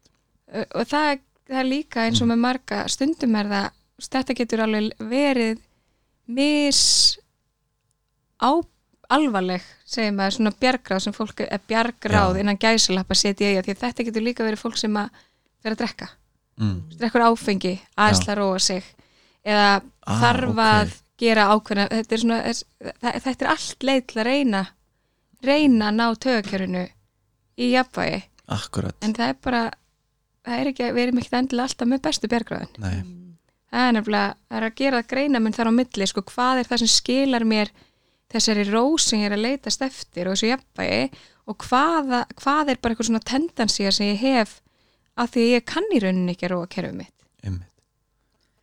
Þannig er mitt mjög gott bara, einmitt út með hennar púlsmæli bara ok, já, já, að komi hérna og hækka svolítið mikið hérna púlsinn eða hvernig er andadrátturinn veist, er, er þindin mín herpt saman og er ég grunnri öndun eða er hún að sökka ofan í hérna bumburna einmitt. Mm, ofan í kviðin já, mitt þetta var rosalega áhvert mm eins og öndun til dæmis anna, þú veist, ég man eftir þessu e, þú veist, eins og þú- ég, ég held ég skilju tög að gera aðeins betur núna. Og anna, ég man eftir þessu mm -hmm. þessi, ég var alltaf, ná anda land, andan á lofti. Já, þetta er svona oföndun skilju, en þetta er ekki oföndun þetta er bara allt annað dæmi, sko, bara streyta á hæsta stigi, ég man til mómentinu þegar ég náði allt einu bara og svo bara eins og bara núna finn ég það og ég bara um púlsmæli 61 einmitt. mm. það var 70 fór bara 61 bara galið. Og ég tók eftir að ég var að hlusta á viðtalið við Wayne sem er partur, einmitt er með hana Move, move Labs nei, Sengorilla Move Labs, já, akkurat. og ég var að hlusta og ég var ekki að hlusta viðtalið. Jú, jésús ég var að hlusta, nei, nei, ég var að hlusta viðtalið ég, og ég he heyrði alltaf að hann gerði þetta. Á nokkur tíum fórum inn í viðtalinu að gerði regla ég var bara, já, þannig þannig er hann að ef ég skilja rétt, en að stilla á töðakjari er það ekki, bara um öndun í miðju viðtali meðan þetta magna. Og þá er ég búin að vera að heyra þetta líka í öðrum viðtalinu hjá sumum öðrum. Og að fólk er þú veist, þannig ég hugsa ég ætla að fara að gera þetta. Að stilla töðakjarið þá greinlega þannig hvað myndið þið segja þessu nummer 1, 2 og 3 fyrir fóldra með börn? Hvernig geta þið stilt töðakjarið sitt af í miðju miðju klikkuninni? Akkurat, ég ætla að spyrja hvort er, þetta meina sem fyrirbyggjandi nei, alls ekki, eða í í aðstæðan mómentinu djúpur andadráttur kom með þetta please. Anna- sko andadrátturinn er það verkverð sem höfum sem þú veist, Ok. hefur mest áhrif. Getum við kent börnum okkar að gera það líka? Já, þau líka læra á okkur. Ok, af því að líka er rosa gott í aðstæðanum að segja uppátt hvað þú ert að gera Mm. fyrir börnin. Ok, nú ætla ég aðeins að já, anda, ég finn að ég er eitthvað ég er ánum pínu æst ég pínu þarf aðeins að hérna, mig. ég þarf aðeins að, og maður sér börnin gera þetta, mín Já. gera þetta ok og maður finnur að þetta hefur áhrif. Já, en svo er það líka þessi róakerfið er líka þessi forvetni sem við tölum maðan hvað af hverju er barnið mm að fara í gegnum þetta? Af því að það hjálpa mann að taka þú veist, maður er ekki inn í ringiðinni og maður er líka átt að sjá að þetta er bara hegðun. Já, þetta er bara byrtingamind og Akkurat. það hvernig mér líður hefur ekkert að gera með þessa hegðun. Það er einhverju triggerar í mér sem er að þú veist, það er einhver ástæða fyrir að ég er svona? Einmitt. Upplifa þetta svona? Ástæða fyrir þetta að hafa- áhrif á mig og það hefur yfirlega ekkert að gera með þessa hegðun. En þá ertu einhvern veginn komin út úr þér út úr, já, maður er búin að aðskilja aðskilja, að batni þarf að hætta svo mér líði betur. Já, skilur, já það er ekki þess ábyrð að mér líði Akkurat. betur. Þannig ok, hvað þarf ég að gera? Og svo líður, líður mann svo miklu betur þegar barnið fer að líða betur. En þeir, já, já ég, nei, ég held, ég sagði þetta rétt ég, ég datt út. Þetta er svona sunnudagur í mig sko. En geggjað. Að mér finnst- tök, já, svo, já, já, að, veist, það er líka þarna þegar að þú nærð að halda þínu þegar barnið þetta er einmitt í, í svona skapofsa kasti já, þá er það dyrmætasta sem maður hefur er að það sé fullorinn einstaklingur sem nær að halda sínu Já. tögukerfi í jafnvægi út af því að börnin stilla sig inn á tögukerfi okkar og þannig kemur einmitt eitt góða eins og þannig að taka síman ég verð bara að grípa hérna pælingar í lofti núna. Og þetta talandum að já, grípa sig. Jæja. Allir þessir. Vá, ég hann að það er eitthvað hann að nei, geggja, þetta kom aftur. Hann að, já, við síman til dæmis, Já. að samfélagsmiðlar uh, það er, þú getur horta á neikvætt og jákvætt auðvitað, klálega, en þegar ég fór að fylgja til dæmis tengslasetri öllum co-creators inn á samfélagsmiðlum ég fór bara að fylgja öllum sem er teng tengdir þorpinu tengslasettir postanir þaðan eru geggjaðir vegna þess að þið minna mann á hvað ég get gert með því að tengt börnunum mínum og sem bara fóreldri þannig að bara, ég vildi bara henda sér inn í áður en ég gleymi því að fylgja þorpinu tengslasettur á Instagram. Ég er ekki að segja að ég sé partur af einhverju hjá ykkur þar ég er að segja þetta ógeðslega mikilvægt. Ég veit ekki hversu oft ég nýtt mér eitthvað verkfæri. Og Það er heyra. sko, já, bara fylgja þeim að þetta er bara magna samfélagsmiðlar eru náttúrulega hérna, það er gott Já. og slæmt en það er alltaf þessi spurning hvers vegna er ég að taka upp síma skrolla? akkurat, já, hvers vegna ger ég það sem ég er að gera? Og hvað er ég leng, eða, þú veist, er þetta að taka frá einhverju? Veist, er ég að lesa fullt af gaglegu eða hlusta á fullt af gaglegu Ah. efni en ég er á saman tíma ekki tengslu við fjölskylduna mína. Akkurat. Þegar bönni mín eru að gera eitthvað og ég sitt og skrolla þetta er kannski mjög gaglegt og ég get réttlætt það fyrir mér já, að þetta er mjög fræðandi efni. En þetta getur líka verið ákveðin flótti að því að maður er einhvern veginn er í tögakerfi, er ekki alveg í Einmitt. maður er ekki að ná einhvern veginn að að hérna veginn, draga maður sig inn í líkamann og í aðstæðarna sem maður er í, það er einhver flótti í gangi það kemur svolítið inn á gildin bara hvað skiptir mann máli í lífinu? Og Já. ef að tengsl við sjálfum sig og við börnin sín og maka eða eitthvað er nummer eitt þá, þá kannski hérna er betra að vera minni, minna, minni tíma að skróla já. Þetta er líður alltaf Já. betur að skróla minna sko. Já, þetta er bara meðvitundin hvað er fókusin já, og mér finnst einmitt gott hérna það sem þú er alltaf að tala um Sólu er hef ég hort í augun á barninu mín í dag? Vá, það, það ætti að koma á einhverjum punkti hjá einhver, einhverjum posti, ég man eftir þessu. Mhm. já, ég hafi, einhver hefur postið þessu, já. Já, við gerum það. Það Er það ekki? Jú, með fyrstu póstunum öruglega já, örugglega já, ég sá fyrstu. þetta, já. Og þannig að fekk ég alveg, ég fæ, fæ endurvinninguna núna, að þannig að fekk ég bara svona djúpa þú veist, bara fattur við, að þetta er alveg rétt. Hvernig er augun á börnunum á litin? Mhm. Ég veit, eitthvað svona, þú veist maður er svo ofta að tala yfir yfir Mm. börnunum sínum og hérna og er bara einhvern maður er einhvern vaknar á mótnana og maður er að fara í leikskólan og það Einmitt. er bara hérna eitthvað mission já, að fara í sundur Já. líka akkurat, og þú finnur bara eh, allavega Já. mínu heimili þegar að missioni er einmitt og við erum að drífa okkur, við erum að drífa okkur svo þú getur farið í leikskólan Já. og ég getur farið að gera mitt ymmið, þá skapar svona tókstreita og þarna kemur líka beturleikin inn í samfélagið yfir í samfélagsgerðina já. og að, gera okkur þetta. Svo erum við að gera okkur þetta sjálf líka oft sko. já, en þú veist þess að vera einstæð móðir Mm. að þurfa að koma, vera ein með tvö og koma þeim út. Já, sæll, já, og þau eru með sín sár, þau eru sitt hvort pappan þau eru með sín sár á bakinu að ég er ein með þau. Það hefur áhrif á hvernig þau eru og bregðast þau dagstælega. Já. það kemur, maður finnur sveiflutnar hjá þeim báðum þess að þetta er líka að hafa áhrif. Og svo að þurfa að drífa þau um dittnar mm, til að mæta einhverjum standard sérstaklega eins og skólabarni mitt. Já, veist, ég bara, ég átta mig ekki á hvað við erum að reyna að gera. Veist, ég átta mig á þeim, ég bara eitthvað svona fattiði hvað þetta er fatt já, heimskulegt. Þetta er ótrúlega heimskulegt. Við búum í samfélagi. Samfélagi er fólk já, við þurfum að hugsa um fólkið. Mm, og það að fólk sé í streitu ástandi til að reyna að mæta einhverjum standard sem einhver annar setur fyrir okkur um vinnutíma og skólatíma. Og ég er ekki að segja við erum ekki að vinna. Og ég er ekki að segja að fólki ge- geti ekki mætt og verið til staðar í vinnu. En er samfélagi að virka þegar þetta hefur skadileg áhrif á mikilvægastu eininguna innan samfélagsins og á mikilvægasta fólkið mm sem byggir upp þetta samfélag. Akkurat já, Það er bara, hvað erum við að gera? það er, já, Biturleikin sem kemur þegar maður sér fer að horfa á þetta hann verður rosalega mikill. Þetta er rosalega annað mikilvægi punktur skilur sem voru að koma með núna finnst mér.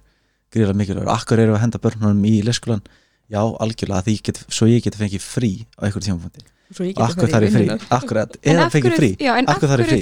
frí? það er náttúrulega máli, og er þetta frí? Nei, þetta er ekki frí. En- þetta er svo fyndið, sko, Samfélagið er þannig gert og ég hef oft pælt í því bara eitthvað svona eða vinnu, já, já. þegar ég átti sem mest erfitt með mig sjálf á mig þá upplýði ég þannig bara ég verða þú veist, koma þeim já, út svo ég fái einmitt frí. Einmitt. Svo kemur af hverju þar í frí? Jú, ég er stuðningslaus. Já. það er of mikið álag á mér. Já, ég upplifi of mikla einangrun og pressu. Já, og ég er ekki ná að halda utan með það. Akkurat. Það er ástæðan fyrir ég þarf frí. Og svo er það líka út af því að það sem gerist er að börnin verða meira krefjandi á mann mm, þegar þau eru í meiri aðskilnaði. Og maður fattar ekki að með meiri tíma fyrir maður fyrir að sinna því eins og þú hefur gert núna með lúnu að maður sér bara að þetta er miklu auðvildara heldur en að vera að fá frí og hún sé í leikskólanum þá er í rauninni auðveldara að hafa hana með Mm. af því að henni líður mun betur og samskiptin og sambandið Já. helst tengdara. Já, þannig að það er í rauninni ekkert frí. Einmitt. Maður þarf ekki frí. Maður þarf ekki frí, frá, ekki frá börnunum sínum þetta er rosalega góðu finn, algjörlega, algjörlega. Og þetta er það sem ég er búin að grípa mig undanfæri með. Að, að mitt annað, við talum um þetta mitt að fá frí frá börnunum að ég fer með krakkan leikskólan og svo fer ég heim ég er vaktaðinu, þannig ég fer heim að gera það sem ég þarf að gera. Og síðan ég annað myndi mig þá náttúrulega er ég ekki að fara að gera það sem ég vanar að gera er bara að fara, þú veist reyfa mig kannski tvisar við daginn og fara svo í kalda og, og bara sjá um mig og sækja svo börn í toppstandi. En þau eru svolítið alveg crazy eftir leikskólan en í, þetta er málið ég, ég er að drífa þau í leikskólan svo ég get fara að sjá um mig sem er frábært, minnst það.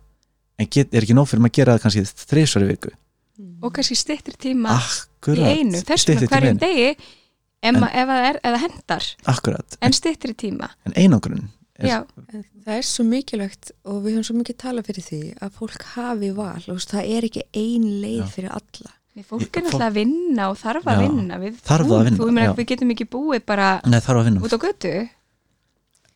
En svo, þetta er mjög áhverð ég er mynd búin að pæla mikið þessu því að að uh, hafa valið, já, val Það er ekkit allir sem hérna sem langa að vera með börnunum sínum allan dag. Sumi vilja bara hérna hugsa um ferilin sinn og já, pursúa hann og það er, Það er líka- ekkert að því. nei, bara null En með því að fóreldra sem vilja kannski verja meiri tíma með börnunum sínum akkurat, hafi val á því akkurat. þá hefur líka leikskólinn til dæmis og skólakerfið meira sveigurum til að sinna þeim sem eru þar betur.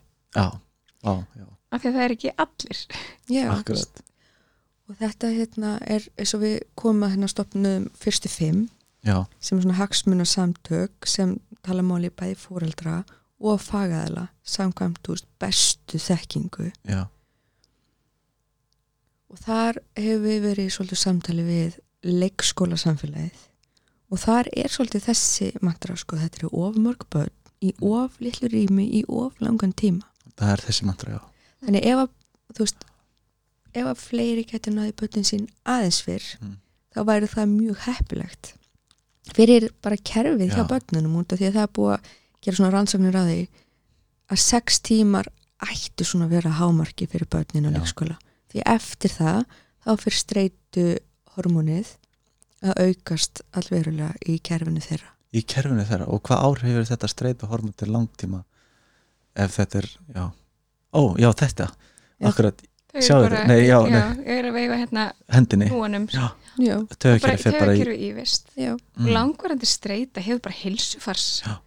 vanda í för með sér. Þú veist það er heila þroskin bara svo margt. ekki, heilin Já. nær ekki að þroskast eins og að gera líffærin vinna ekki eins og að vinna. Einmitt, það er svo mikið. Það er bara, eins og, þetta er eins og þetta ástand að í hérna fight or flight. Já, að sé eitthvað ljóna elda þig einmitt. Og það er ekki að því að það er ekkert að því að við disreguleitumst við förum úr jafnvægi.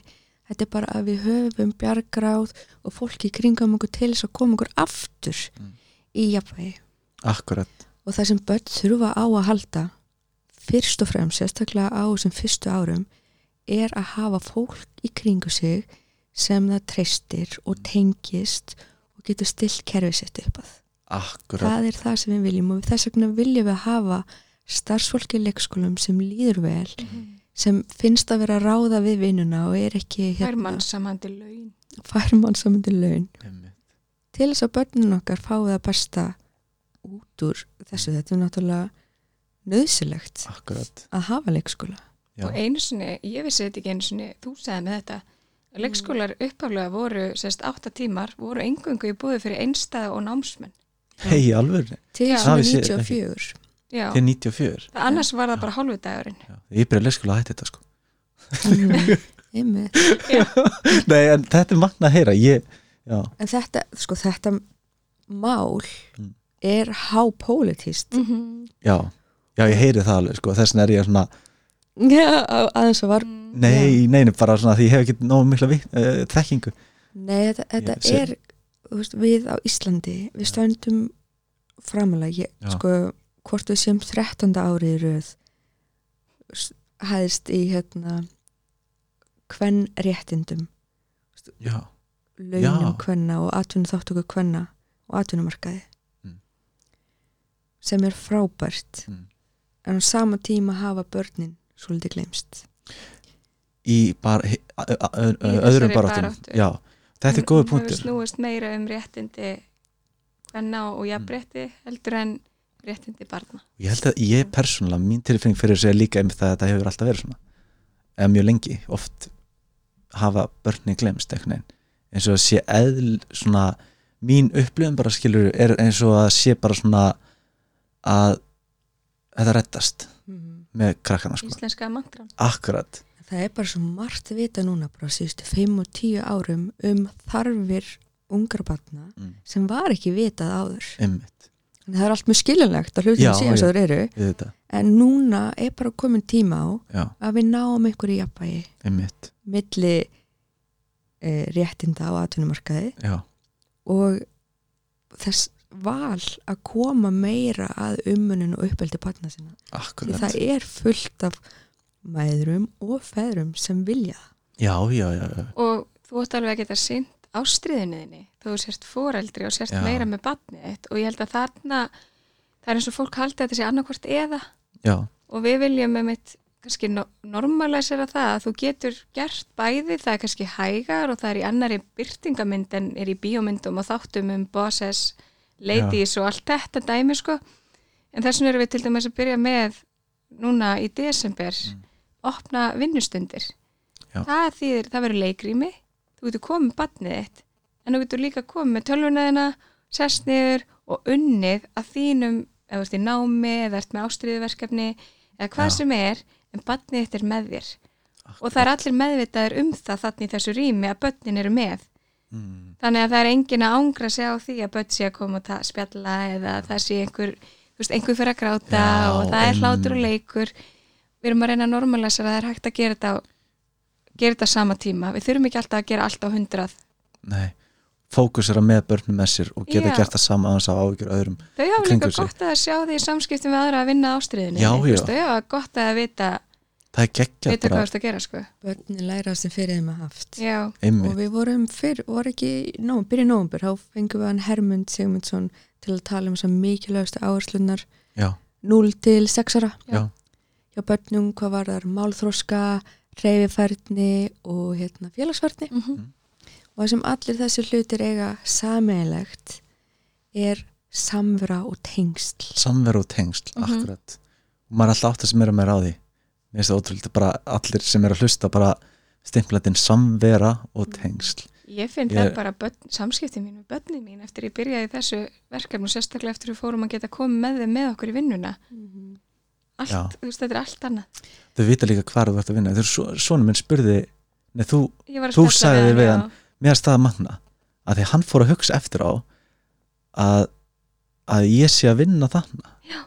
eitthvað, Já, ég sagði að veist að pappiðin er að vinna Já. hérna með okkur. Hann Ah. fór já, einmitt, akkurat.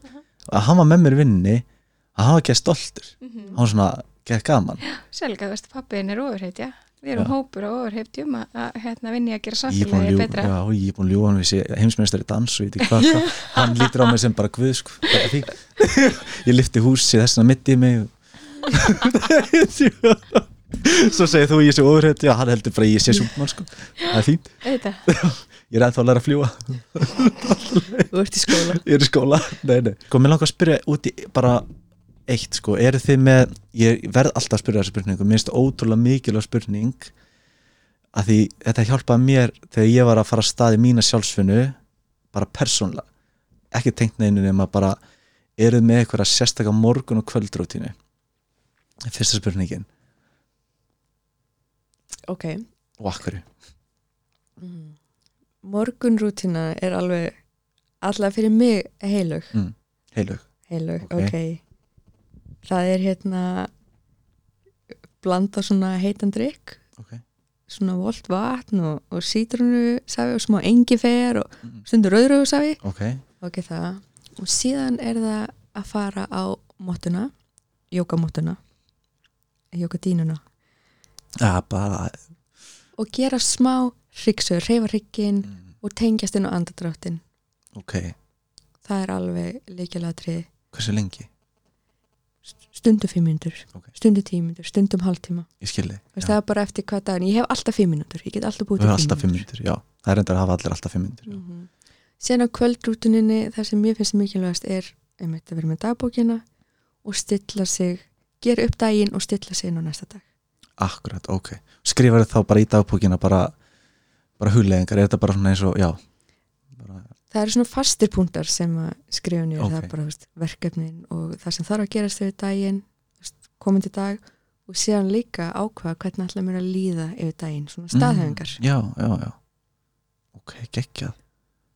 Þú svona- þú verður svona að setja þig upp fyrir daginn, mm -hmm. þú verður svona að negla þig. Mm -hmm. já, geggjað. Vá, geggjað. Ég? já, take it, take it away. Solveig, mín er mjög flæðandi og breytileg. Geggjað Ég fundi það að ef ég er með eina rútínu á lengi já, þá, ég, þá er ég fann að gera hana án þess að ná að setja ásetningin sem ég myndi vilja í hana. Já, og það tók mér langan tíma að sættast við það að ég er bara svona. Já. Er innan gæsalappa. Þú veist þetta er ákveðið svona flæði í því hver ég er. Já, en það gefur mér samt ekki afslátt að sleppa Mm. að gera eitthvað og Já. það var svolítið oft þannig að þegar það gekk ekki þá hætti ég bara. Já, en núna síðustu daga hefur fókusum minn verið að ég vakna alltaf vatn, það er alltaf vatn og salt alla mánu en ég kveikja tónlist og ég faðma bönni mín. Ok, það er bara já, faðmaði segi spyr hvernig þau sváfu og bara hvað, þú veist, bara gott að sjá framann í þau, þú veist, það Já. er komin dagur og hvað, þú veist, ég hlakka einhvern veginn til bara að byrja daginn með þeim og mér finnst gott að byrja daginn svona með þeim. Já, og svo í rauninni er það bara ég græja allt fyrir þau. Og strákurinn minn reyndar ég komið svona lítinn fataskápin í stofu fyrir hann. Þar sem hann hengir upp föti sín fyrir daginn og í eftir hans er bara- hæð, er það? Já, hann? er í hans já, við hæð. þannig að hann er farin að taka til á kvöldin áður og, og klæði sig. Svo sest ég bara með þeim og ég er oft með dagbókinu mína og með engan, ég er bara eitthvað að króti hana og ég er að spjalla við þau stundum kemur eitthvað sem ég vil Geturðu það? skrifa. Eða bara króta eitthvað og, Ég að bara allir uss Ég er að fara að skrifa. Já, Nei, nei, nei, og pæli því. Heri, ég er hérna að forgangsa tengslu nú það mamma er nei, en já, ég Vel sit og, og spjalla við þau bara svona um daginn og eitthvað. Og suma mótna er þetta bara eitthvað svona já, já, áfram gakkrakkar, Já, já. fötin, muniði þau þurfum með mig að halda áfram. Ég vakna sko hálf sjö já, til þess að hafa nógan tíma að ég nenni ekki þessu tuði á mótnana. Nei, en dóttur mín er alveg svona kortir í úling sko. Já, þó hún sé bara tíu. Og Já. það er bara stundin svolítið erfitt á mótnana. Já En- auðvitað. það er alltaf regla hjá okkur. Ef þau eru komin í fötin og búin að borða og busta nóg snemma, Já, þá erum við að föndra á mótnana. Eða alvörunni? eða eitthvað svoleiðis. Það þannig að þau ná stundum bara hálftíma og 40 mínútum í því. Og þetta er alveg svona rútínu okkar. En á góðum degi þá ég tók tímabilið það var alltaf jóka Já, það var alltaf hugleisla já, en núna er það bara svona að segja sjálfur mér þetta er góð dagur, ég er í góðu standi. Já. Og það verður alltaf leið Þetta er alveg ringjum við í hver aðra. Já. Leðlega daginn í dag. Daginn í dag. Þú veist. Új, geðveikt. Af því að- Þetta eru svona bara við tölum saman allan daginn. Já, vá, það er bara Við erum hérna. Segjum við sem einstæðar en við erum raunu giftar skor Já. Já, já, einmitt. Já, Þeir eru svona, já, akkurat. Bú, Þið búið sig, já, þú byrjir nesinu einmitt, akkurat. Já, en kvöldrútinan, þú veist, eins og núna upp á síðkastið, hún, hún bara non-existent. Já, hún er ekki til alveg eins og Ef, þú veist, það er bara eitthvað. Já, Þannig að taka til eftir daginn, mér líður betra að vakna þegar að já, ég þarf ekki að byrja að taka til. einmitt. Um, ég Það er- kveiki alltaf á einhverja hlusta og fer með einhverja staðhæfingar. Ok, það er, Það er bara orðið svolítið svona í, í mér. já, Stundum horfi ég á þátt, já, en reyna að vera ekki með skjáin rétt fyrir svefnin. einmitt Hóruðu þátt með svona saminskupið eins og ég stund Já, já, já, ég gerir það sko en ég er að að taka það í burtu Svo í tímabil þar sem það er bara eitthvað svona skrif í dagbók, hálftíma hugleysla fara með staðhefingar, Einmitt. uppur um hálf tíu þetta er bara svona sofna mis Það og já, ég held að galdur sé bara svolítið að leifa sér það. Já. Algjörlega. En vera með þetta sjálfstæli lægi Já, já sjálfstæli minnst það mikilvægast. góð dagur, stend með mér. Já, þetta er allt í lægi, já ég hefði viljað gera suma hluti öðruvísi og ég ætla að vinna að því. Ég gerði alltaf mitt rétt bara í sjö ár og svo fattaði eftir sjö ára sjálfstæli búið að vera fokk í sjö ár. Mm. Það er alveg grilla dæmi sko. gera allt Já, rétt. já, en maður er, þú veist, að eitra fyrir já, sér í, í talinu endalust og ég andi svo horfum ekki maður rétt, tilbaka og bara svona að það var ekki það ger allt reistin skipti máli. Ah. það er fyrst þennan Hvað var að drífa mig áfram í að gera þetta? akkurat. E, já, einmitt, einmitt, og líka áhuga sviði kannski eins og þú kannski hefur áhuga á því. Þú, þú er kannski gaman af því að fara í jóka þetta skilur hugleysla Mhm. þú veist, ég, held, ég held að þetta sé svona áhuga svið kannski eða hvað? Algjörlega. Síðan sko. held ég að það sem ég, kannski aftramanni hvað mest er það allt eða ekkert hugafar já, góð puttur, já, að þú veist, já, út, út af þessu með þessa rútinu, ég ger þetta já, út af því að ég þarf á bara að ná smá stillu já, þú veist, á mótnana og kvöldin og helst yfir miðandaginn já, þó að sé ekki nema þrýr djúpur andadrættir Mm. þá nær maður kerfinu sinu ótrúlega mikið og Já. bara maður muni eftir þessu þrísar dag, þrýr djúpur andadrættir stilla tæmir í símanum. Já, er maður bara, ok, hér er ég. Hvernig liður mér, hvernig er þindir mín? Ég legg stundum bara flöt á gólfið. sófan, gólfið. Já, ég ger það, það er gekkja ger ekki neitt, sko. Já, ég held að við einmitt að normalisera það að gera minna. Já, já, Já. og líka normalæsar það að vera, þú veist, aðeins út fyrir ramman eins og hann að eins og það er búið að koma tíminn undanfarið. Bara fyrsta sem átt að gera ég er að tala um hvað kemur tíminn Mhm. og að fyrsta sem átt að gera lappa út í bara saman hvað veður er bara, þú veist, eins og ég myndi vilja gera bara á stöpusunum þegar ég vakna á tásunum og standa úti kannski í nokkra sekundur það er náttúrulega bara rosalega gott. Andrew Huberman talar náttúrulega mikið um þetta. Já, að byrja á einhver svona kóldterapi um leið og vaknar. Einmitt bara eitthvað og það getur verið já. bara að fara einmitt, fáklæddur út já, bara kuldann. loft Já. og lappa kannski, þú veist eins og annað skinn, Skinners, og- eitthvað allt, allt þetta eins og er að gera, þú veist, verið náttúrinu og eitthvað, ég heyrði eitthvað að við erum svo mikið í annað fölsku lofti þú veist, við erum fölsku lofti núna mm. en inni, þú veist það er jafnast ekkert á við reynd andrúsloft skilur eitthvað svona, en einmitt það sem er svolítið skrítið sem er orðið núna, það er eitthvað út fyrir kassan að vilja vera tengdur við eitthvað svona náttúrulega rithma það er tengdur við náttúruna. Og vera með börnunum sínum meir, Þetta er svo skrítið að vilja það. Jáðarsport eins og þú sagðir aðan það vilja þetta er galið fólk sem fór til náttúruna. Er að. Já, besta sem ég held ég hafi gert bara á mómenti þegar ég var nefnir nýkomin aðgerðin og var að klikkast heima sko. Ég mátti ekkert fara neitt og lappa upp á helgafelli mm. og bara ég hugsaði bara, akkur er ég ekki búin að gera þetta? Ég þurfti bara, að, já, Vein sagði við mig, ég sendi á Vein og var að vanta sjúkaþjálfara og hann sagði að fætuna eina virka. Ég alveg, fætuna mín að virka Gert skrýta að fatta það ekki, lábra ég, hat- ég, ég er get ég gert neitt.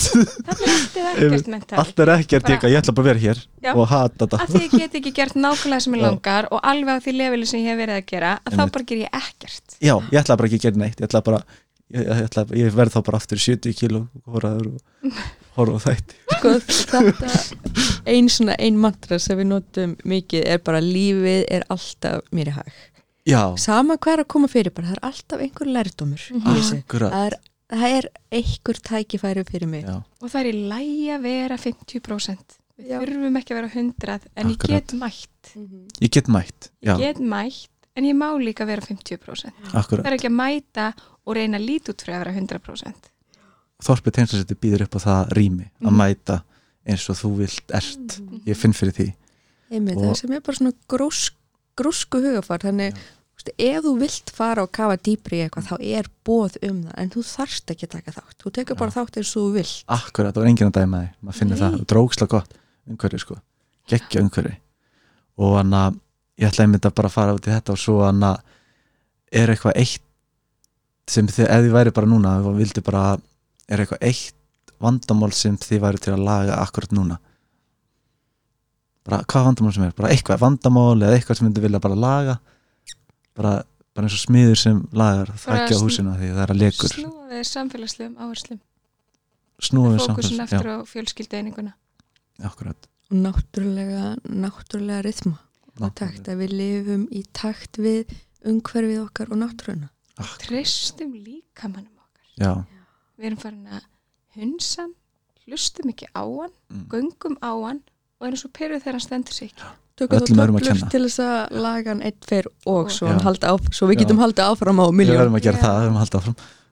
Og setjum eitur þú veist, mat Já. og eða, þú matvöru sem eru ekki heilbriðar fyrir hann og erum svo eitthvað hissa. Sétt þegar hann spurði það líka einmitt, Já. já, það er alveg, þú veist, maður, bara, þetta er svolítið já, að við værum að taka ábyrð taka ábyrð einmitt, taka já, ábyrð í sammála. Og þetta er mjög óvinsælt orð.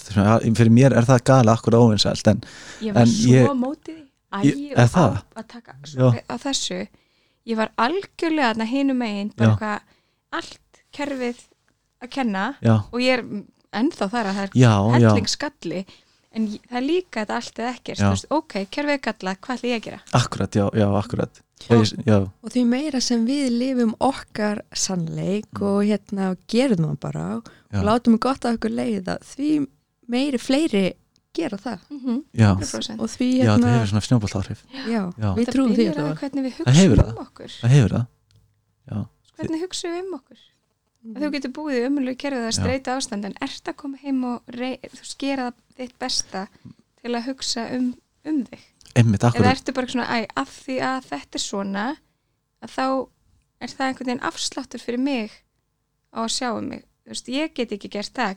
Ég get ekki lagst niður og tekið þrjá andra drætti. Ég get ekki slefti Já. að vera í skjánum fram að Já. allir þessi litlu hluti sem hafa svo gigantisk áhrif einhvern veginn fyrir um okkur allri ábyrð akkurat.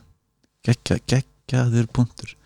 Og líka, einmitt, akkurat. Og líka þeir sem eru að hlusta núna að því ég hlusta eitthvað podcast eða hlusta eitthvað og fæ bara svona innblástur eða kv- kvartningu svo kem ég heim og hún er farin út úr gluggan Mm. þannig ég er bara sami maður og ég var. Þannig ég hugsa alltaf, heyrðu, bara þeir sem eru að hlusta núna þeir sem eru að fá innblástur og kvartningu frá ykkur að ég vil segja við þá sem eru að hlusta á okkur núna í þessu podcasti að þú veist, að ákveða núna að gera einhvern einn hlut sem komið í hausuna út frá þessu viðtali hér að sem veittir innblástur skilji, að einhvern veginn að hann að ekki gleyma innblásturinum að því hann að innblástur er svo, ha, ha, þú veist, hann kemur inn í ástæðu sko, nýta hennan activation kraft hvatin er Já. allt annað sko. Hvatin er svo, hann er svo hann er svo fljótur að fara þetta er svona eins og kaffiskott sko. Mhm. en bara, ég verða, ég verða að segja þetta fólk að ég alveg fæ innblástur að vera betri en ég er þú veist, ég er frábær en ég get alltaf verið betri, skilju Mhm. og allt þetta, en ég ætla bara að koma sér inn. Já. ég er að taka öllu skilab geggjað. Og nú er að koma jól. Er koma jól. Nú er að koma jól og eru þið búin að setja ykkur eitthvað svona, eitthvað ásending fyrir, fyrir þessu jól eða eitthvað svona sem hvernig verða jólin? Þið vitið þannig ekki, það er ekki til framtíð þannig okkur, Við erum bara í núinu. Er þið núinu. Er núið til, þetta er tjók Mitt er bara að fókusa á um, minni kröfur Mm. meiri samvera. Meiri samverða, já, taka, veist, þetta er ekki svona háalvarlegt. Ok. Já, bara reyna þú veist, að bara njóta þess að vera með fjölskyldur já, Já, einmitt. vera minna í höfðinu, meiri líkamannum meiri líkamannum, geggja. Allir, Anna, eru búin að vesla allt inn? Ég bý til allar gjafirnar í ár. Í alvunni, ok, okay. föndra, ok, það er geðveikt. Bara úr gömlum bókum og eitthvað. Já, að svona vera frumkvöld þá býr maður til jólagjafar Býr maður til jól- eða, og líka nýtir það í bara samverustundi með börnunum það er enda geðveikt sniðið og sko. ég fann einmitt að, það, að því að maður dettur alltaf hérna í þetta veist, áfram áfram mentality að hugar far að ég ætla að gera þetta mitt og bara gera þetta notalega stund með krökkunum. Svo allt í hennu fann ég að ég farin, ok, ef ég gerir svona svona mikið núna þá, og klippi þetta út svona þá tekur þetta svona tíma og ég bara, hei, þetta er orðið leiðilegt þá ætla ég að ganga frá þessu og ég kem aftur því ég er tilbúin að njóta þess að skapa og ekki taka þetta með mér inn í. Hvað er Akkurat. þetta í þetta sko? Mm. akkurat, Hættir í hverju hotni Já, já, algjörlega, sko. Já. Þeir eru orðið bara svona verk, eða þú veist, færiband að vinna, já, já, einmitt. En ekki, snýst ekki lengur um samveruna, sköpunina og njóta. taka yfir og eitthvað Þetta er þú, ert þú búin með alla gefinar Ég er eiginlega ekki byrja að hugsa út í það en, það er en þegar stelpa mín fættist þá tóku við svolítið þetta og við hættum að gefa gjafir. Ok, ok, ok, að mestu leiti Já. og hættum að þykja gjafir en það er svolítið erfitt þú veist með fóreldra og afa sem eru að gefa hinnum en hérna við tókum þessi ákvörðun að reyna að minga Já. þennan hluta svolítið um jólin. Akkurat, og meira þegar við gefum eitthvað erum við meira að gefa eins og upplifanir. Já, það, það upplifanir akkurat, eins og við erum núna með gjafabrif þar sem við erum að gefa einmitt upplifanir. Í þorpið, í þorpið algjörlega, það er emitt. Það eiga, börn eiga nóg eins og heima að mér, það er alltaf fullt að dóti, sko. fólk á allt og mikið. Fjölskyldan, föðumegin er alveg rosa gjafmild já, og ég mitt segi bara, ég vil miklu frekar fá upplifanir mm.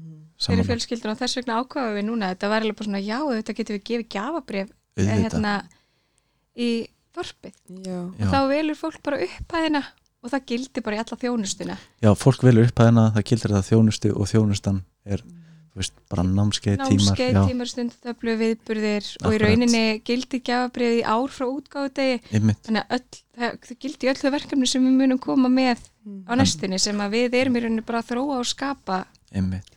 Og mist, Já. já, það sem hún Magga Pála sagði það sittir svo Já. í mér. Hún sagði bara að dýrmætasta gjöfum sem gefum bönnum okkar er aðtikli og tími. Já, já, einmitt. Gef, gefum það í jólugjöf ekkert dót hérna kemst næri því að fá bara aðtikli og tíma Einmitt. og fól, þú veist, fóreldra sinna og, ég las þetta með netinu í gær, ég man ekki hvað þetta var og hvort það íslenskt amirist eða ykkur á þetta þá bara hefur sambandið mig. En þannig að einmitt að gefa, þau gáfu uh, börnunum sínum sikkurna pakkan og pakki var samverustund. Og inn í pakkanum var family date eða fjölskyldu date einu sinni í mánu já, þannig þau voru búin að taka frá tíma út allt árið Já. einu sinni mánu til þess að eiga fjölskyldustund. Mhm. og það er eitthvað, það er gjöfni ár sko. Og Það er þarna getur verið þorpið teinsættur samveru stund, mæta námski öll saman. Og meira sér að þú veist ef það er sikkur skilur búið að vera þú veist, hvernig segir maður það? Uh, fólk á skilið já, og koma tvær fjölskyld, bara ná öllum fjölskyldunum saman. 100% gera námskeið um það, það er ná saman öllum já, ég ætla ekki að vera með það námskeið samt. Það er svo geggja, nei ég fór alltaf að hugsa en eitthvað Já. svona, minnst þetta geggju hugmynd hjá okkur og ég er að reyna að fá hugmyndir með að spyrja ykkur og gefa öðrum hugmyndir. Það er einmitt það Að sem erum svolítið hérna, með eins og hann Davíð sem er með hérna, búin að vera hans að vinna í samvinnu eftir skilnað og svona. Já, Svo höfum við bara persónulega reynslu líka. Já. það er málið. Og við erum svolítið þú veist, einmitt að æfa ykkur að finna leiðir eins og núna hérna, er þetta fyrstu jólin eftir að við stigum í sundur já, það, ok og hérna nú erum við bara að finna leiðir hvernig, hvernig erum við samheldin og fjölskylda þó að við séum ekki ennþá hefbundin fjölskylda einmitt, einmitt hvernig getum að stíði hund stundur á meðvetan hátt og not, notið síðan yfir hátíðunar Og Já. það er einmitt á tengslamotni, reyndar, já, það er núna bara á þriðudaginn, sjötta. mm -hmm. Þá erum við að tala um hérna, Jól, á tveimur heimilum. já, einmitt, já, Mm. akkurat Og hjá mér er það í rauninni þannig, sko, að, um, þau eru alltaf eiginlega bæði hjá mér, Já. en pappi er bara, eh, pappi stráksins kemur bara og er hjá okkur alltaf. Og núna um jólinn verður strákurinn líklega bara hjá mér, en ég fer svo að verða með hans fjölskyldu um áramótin. Sérst mömmu hans og pappa og sérst mínum fyrirverandi og strákunum Já. mínum og dóttur minni sem er ekki dóttir hans. Sérst við verðum bara öll þar. Já, viti, viti Já, já, og er það bara það það er bara geggjað. mér, mér finnst þetta geggjað persónulega, mér, finnst- mér finnst þetta bara klikkað sko. eða þú veist, á góðan hátt. Já. ég held að sé svo mikið þú veist, út af þessum náttúrulega svo mikið um að fólk sé að skilja og stígu sundur en það er bara hvernig það er gert Já. sem hefur allt að segja upp á þú veist, velferð barsins einmitt, já, nákvæmlega. akkurat, það er líka svo frábært til séu þá með þessa reynslu og geta komið með þetta inn í þorpi tengslusetti fyrir þá sem hafa lendi í skil eða farið í gegnum skilna Þetta hefur all, ekki alltaf verið blóm, þú veist, bara dansa rósum. veist, maður hefur alveg farið í gegnum um það að samskiptin eru krefjandi Já. og svo lært, lært að einhvern veginn koma aftur saman því sammeilegt markmið er að börnunum líði vel akkurat Sem og okkur þótti væntum hvort hann og við vorum mjög góði vinnir á einhverjum Mm. tímapunkti við hljótum að geta fundið það aftur Einmitt. þó að það hefði komið smá sundrungur á tímabili sko. akkurat, en það er svo mikilvægt líka. Er það ekki raunveruleg skilurlaus ást? Ég held það. Í raun og veru. Að vera ekki með skilur um það að makinn þurfa að vera með þér eða eitthvað, mm skilur, svona einn punktur einhvern veginn. Og svo langar mér líka komin á eitt sem við hefum ekki komið inn á og það eru ömmunar og afarnir. Ó, já. já, að það má líka gefa ömmum og afa gjafabref já, til þess að koma og vera meira með barnaböndunum einmitt og komast út. Og komast út og hitta aðrar Eiga, ömmur og afa já. og þetta er það sem við sjáum svo mikið fyrir okkur líka er að brúa þetta kynsluðabil akkurat, ömmur og afar og börnin, þetta er ofta þessar kynslu sem hafa meiri tíma en við hérna sem erum í miðjunni og erum hérna á fullu spanni. Já, og þau nái að hafa, Mm. hafa samverðust líka sem að geta komið saman og notið sín. Akkurat. Að einverðin er mest þarna, held ég. Mm tekið því, einmitt. Og það þarf þorp til að alveg akkurat, við eigum ekki vera einangruð og eins og ég geti þetta ekki hann með og pappa já, bönni mín eiga svo ótrúlega fallegt samband og það er í rauninni það góða við að vera einstæð og sjá svona mikið um bönnin sín. Einn skilur já, þú veist, þú, fattir hvað ég meina. Hérna, þau eru góð samskipti við pappa sín og allt það en þau eru mest megnast með mér. Já, er að mamma og pappi hafa svolítið stíðið inn í og hjálpað og eins og þau segja alltaf, þetta er svo dýrmætt fyrir okkur líka. Einmitt. Og ég sé það bara á þeirra samskiptum Já. að þau eiga ótrúlega mikinn samastað hjá ömmu og afa. Einmitt, sem er gríðalega, gríðalega mikilvægt. Já, akkurat, það er alveg ótrúlega mikil gjöf fyrir börn. Þú veist, það tala um að börn geti tengst svona fimm aðilum vel þarna í, í Já. æsku. Ok, það er talað um það. Og amma og afi vilja vera hluta þessum Já. hóp. Algjörlega. Þau vilja það, algjörlega, Mhm. algjörlega og, það er rétt, sko. og það sem er svo geggjað eins og við tölum aftur um eins og fara í þorpið eða eitthvað. Til dæmis að ég með dóttur minni út af því að þegar hún fór á leikskólan Mm. þá er hún bara á leikskólanum já, og hún er að gera alls konar skemmtilega á leikskólanum og er í samskipti á önnu börn en ég er ekki þar. Nei, og það er svo dýrmættur í börn að hafa foreldri eða þess að tryggu höfn hjá sér þegar eru að prófa nýja hluti þá fara þau og prófa sig áfram og síðan koma aftur til foreldri sinns og það er líka svo dýrmætt fyrir okkur sem foreldra að fá að sjá börnin okkar í félagslegum aðstæðum. Fá að sjá þau, fylgjast með þeim föndra bara, mm, hvernig hvernig Já. er það að nota litina? Mm, áhugavert. Akkurat, já, samskiptina við önnu bönn já, veistu, ég er sammála. Þannig að já, það er rosalega skemmtilegt. Mm -hmm. kemur nóvart, sko. Mm, algjörlega, kemur mikið orð einmitt annar leikskólinn hjá anna, skólinn og leikskólinn hjá dóttur minn og sín minn þau eru saman yfir helgafélskóla þannig leikskólinn og skólinn er saman sem alveg magnað. Og, anna, og þar fáum við vídeo á hvernig fyrst þegar skilur frá starfseminni, tölvuposta og alls konar svona. Hæðislegt það er úrslega magna að fylgjast með því. En svo þegar gaurinn kemur heim neina, hann kann ekki að fara í- skonna eða renna upp úlpunni. Go, jú, jú, sjáðu sína bara síman, sko. Sjáðu, þú varst að renna upp úlpunni sjálfur í leyskólinu skilur, þannig bara, já, já, þú veist, þetta er svo geggjað. Ég myndi vera að segja. Mhm. en er eitthvað skilabóð sem við viljum koma framfæri svona inn í já, bara eitthvað skilabóð sem við viljum koma framfæri núna, mm. áður en ég segir þetta gott. Já, mér langar aðeins bara að um, lifta upp co-creator samfélaginu okkar já, aðeins að tala um þetta fallega sam, hérna, samfélag sem við erum með. Mhm. sem er byggt á þessari sameilu hugssjón og ástriðu og að við getum öll sinn því sem við viljum sinna. En þetta er bara, ég mæli svo mikið með því að fólk kíki inn á síðun okkar og kynni sér co-creatorina já, af því án þeirra væri þorpið hvað við, tværum bara eitthvað. Við er að baukast. Við erum ágættar sko, Já, þeir eru mjög en góðar. bara að horfa yfir eins og Shelby með Já. Arts and Crafts og Messy Play og öll námskeiðin sín fyrir foreldra. Einmitt. Alla sína þekkingu svo erum við náttúrulega með um, það er tjáning og tengsgengi sem er leiklist og sköpun og tjáning bara yndislegur hópur. Haldur að mark með hérna, samferða fjölskyldu jóka. Já, þannig, já, að- þannig að þú kemur kannski saman eftir leikskóla og akkurat, þið stilli kerfin eitthvað svolítið saman, töðkerfin með því að reyfa ykkur, hristu ykkur og gera eitthvað. Til þess að hérna, fara síðan saman regulated inn í kvöldið. Geggja, mér hlakkaði mitt rosalega mér hlakka til að prófa þetta. Og allt saman, Allt bara saman. ég veit ekki bara ég er þú veist, svo erum við náttúrulega líka með Valkyrie teimi sem eru líka co-creatorar.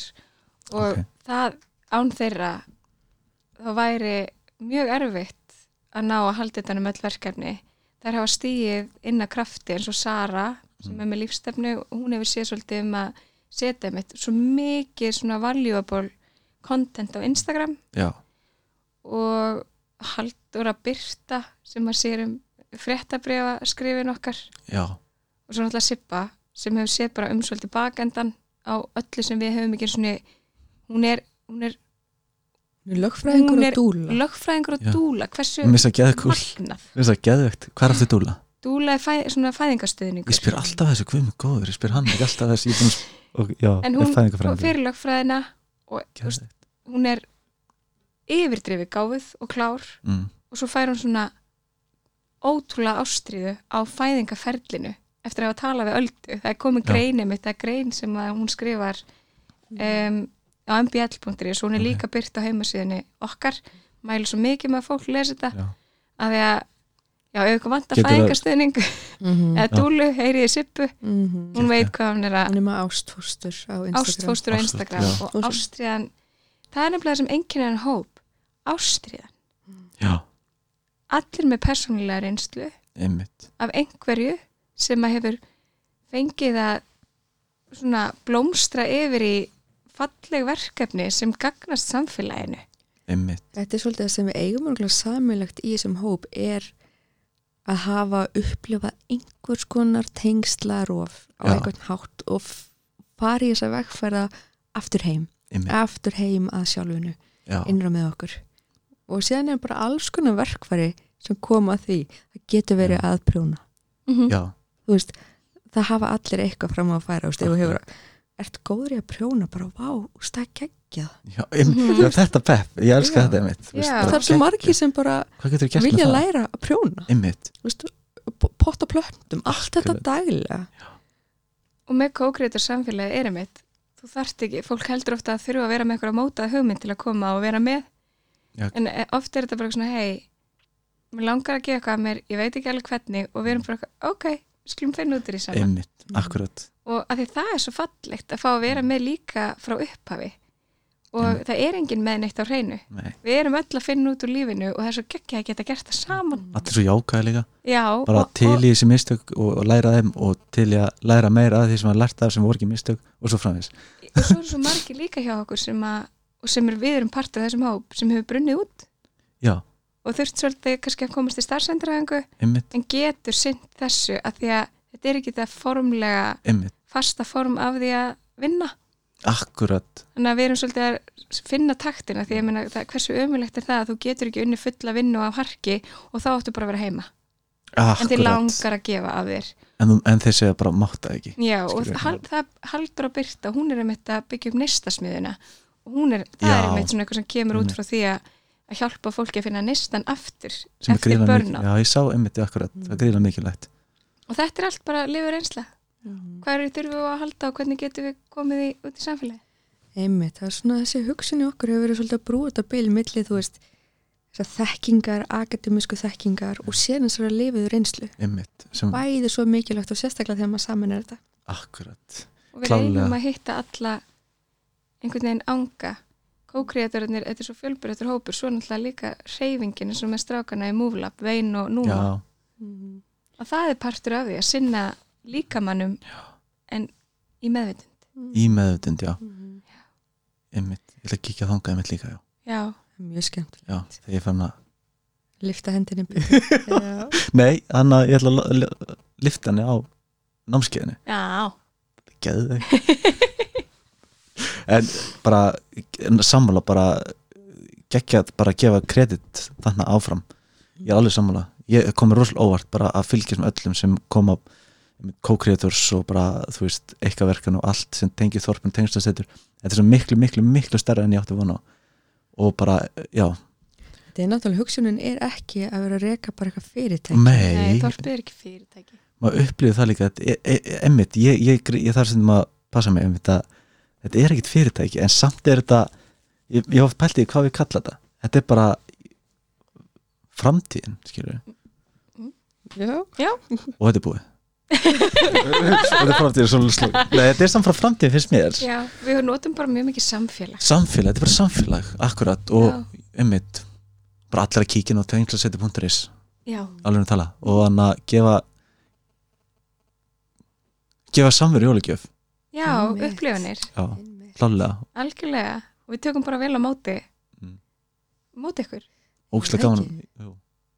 Má ég segja eitt viðbútt? Já. Við segðu erum, það sem er langt Einmitt, var eitthvað spurning sem glemt að spyrja sem Nei, ég var bara að fatta, þú veist. út af því að við, við erum með hérna, veist, ólíka anga í þjónustun okkar. Við erum að hugsa um veist, að fóreldrar sé að hlúa sjálfum sér. Já, En síðan erum við líka með þessa samveru. Mm. Og langar svolítið að segja ykkur frá, þú veist, að þetta er, við skiptum þessi í svona fjóra flokka. Já. Það er þetta hérna sjálfsræktin og veist, bara það sem við gerum til að styrkja sjálfum okkur sem einstaklinga og síðan líka sjálfum okkur sem fóreldrar, í fóreldra hlutverkinu. Þetta er stærsta hlutverk sem við tökust á við akkurat en ótrúlega lítill stuðningur sem við fáum. Já. Síðan erum við með hérna svona samveru og frjálsanleik og svo erum við með hérna skínurvinnslu og sköpun og síðan leikur og reyfing. Já. Þannig að það ge- allir finna eitthvað við sitt hæfi og þetta nær, við horfum svolítið heildrænt út af þetta er þessi yðjusín sem við höfum. Við horfum svona heildrænt á einstaklingin.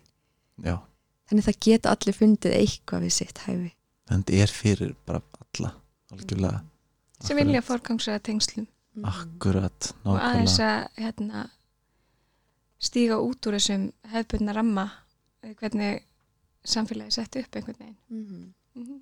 og við erum að leita okkur að okkar eigið húsnaði Já. Mm. Þú veist, það verið geggja þetta væri bara þú veist, íbúðurhús með garði og okkar þannig en þetta sé svona heimili utan heimilisins Akkurat það er svona Heimili- markmiðið Já, heimili fyrir utan heimilis Við Akkurat, viljum að þú komir inn og finnir bökunarlyktina því að allt er Einmitt. búin að vera að baka súrdegsbrauð með lúnu inn í eldhúsi og, og þú kemur og það er uppsett leikrými og fóreldrar að spjalla og, og þú sest niður og þú lendir í samræðum um fóreldrarhlutverkið og, og fer að tengjast öðrum á svona náttúrulegan hátt einmitt og svo er kallað og það er að byrja tími Mm.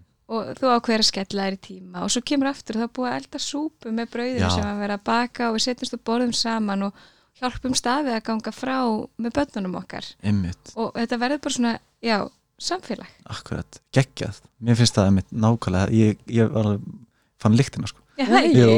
og ef það er eitthvað annað sem er að hlusta sem hann að e, veit um eða sjálfur eða sjálf er með húsnæði fyrir þorpi tengslasettur Mhm. endilega sendið hann að bara línu á ykkur, Solveig Öldu tengslasetur, að tengslasetur.is Já. Eða bara á mig og ég senda þær. Og hann að þetta er einmitt, já, bara með húsnæði sem einmitt fellur undir þeirra starfsemi einhvern veginn sem er alveg nóga herbyggjum, heimilislegt, garður var í toppurinn það ekki. Jú, við, við erum tilbúinir ef að fólk er með eitthvað svona, já þetta gæti virkað þá erum við til í að skoða. Akkurat, það er til að skoða allt að bara endur að það er senda. okkar að gera það heimili sko. Akkurat, við getum, ég held að við getum alltaf galdra það. Það Já. er ykkur er að leiða út eitthvað já, rými fyrir þorpið endur að senda línu. Æðislegt. Klálega, mér hlaka til að Anna, vera partur af þessu og, og bara gleðli jól, já, Gleli Já. jól, takk fyrir að bjóða ykkur hinga minnsta válu og ókslega gáðan að spjalla við ykkur. Svo tekur part 2 síðan. Absolutt. alltaf, og part 2 verið geggjað því þegar ég tekur ykkur part 2 á næsta ári þá eru þið að fara að segja mér frá nýju húsnæðinu. Algjörlega. Það ekki? Líst til þið hlaka mig til. Aha.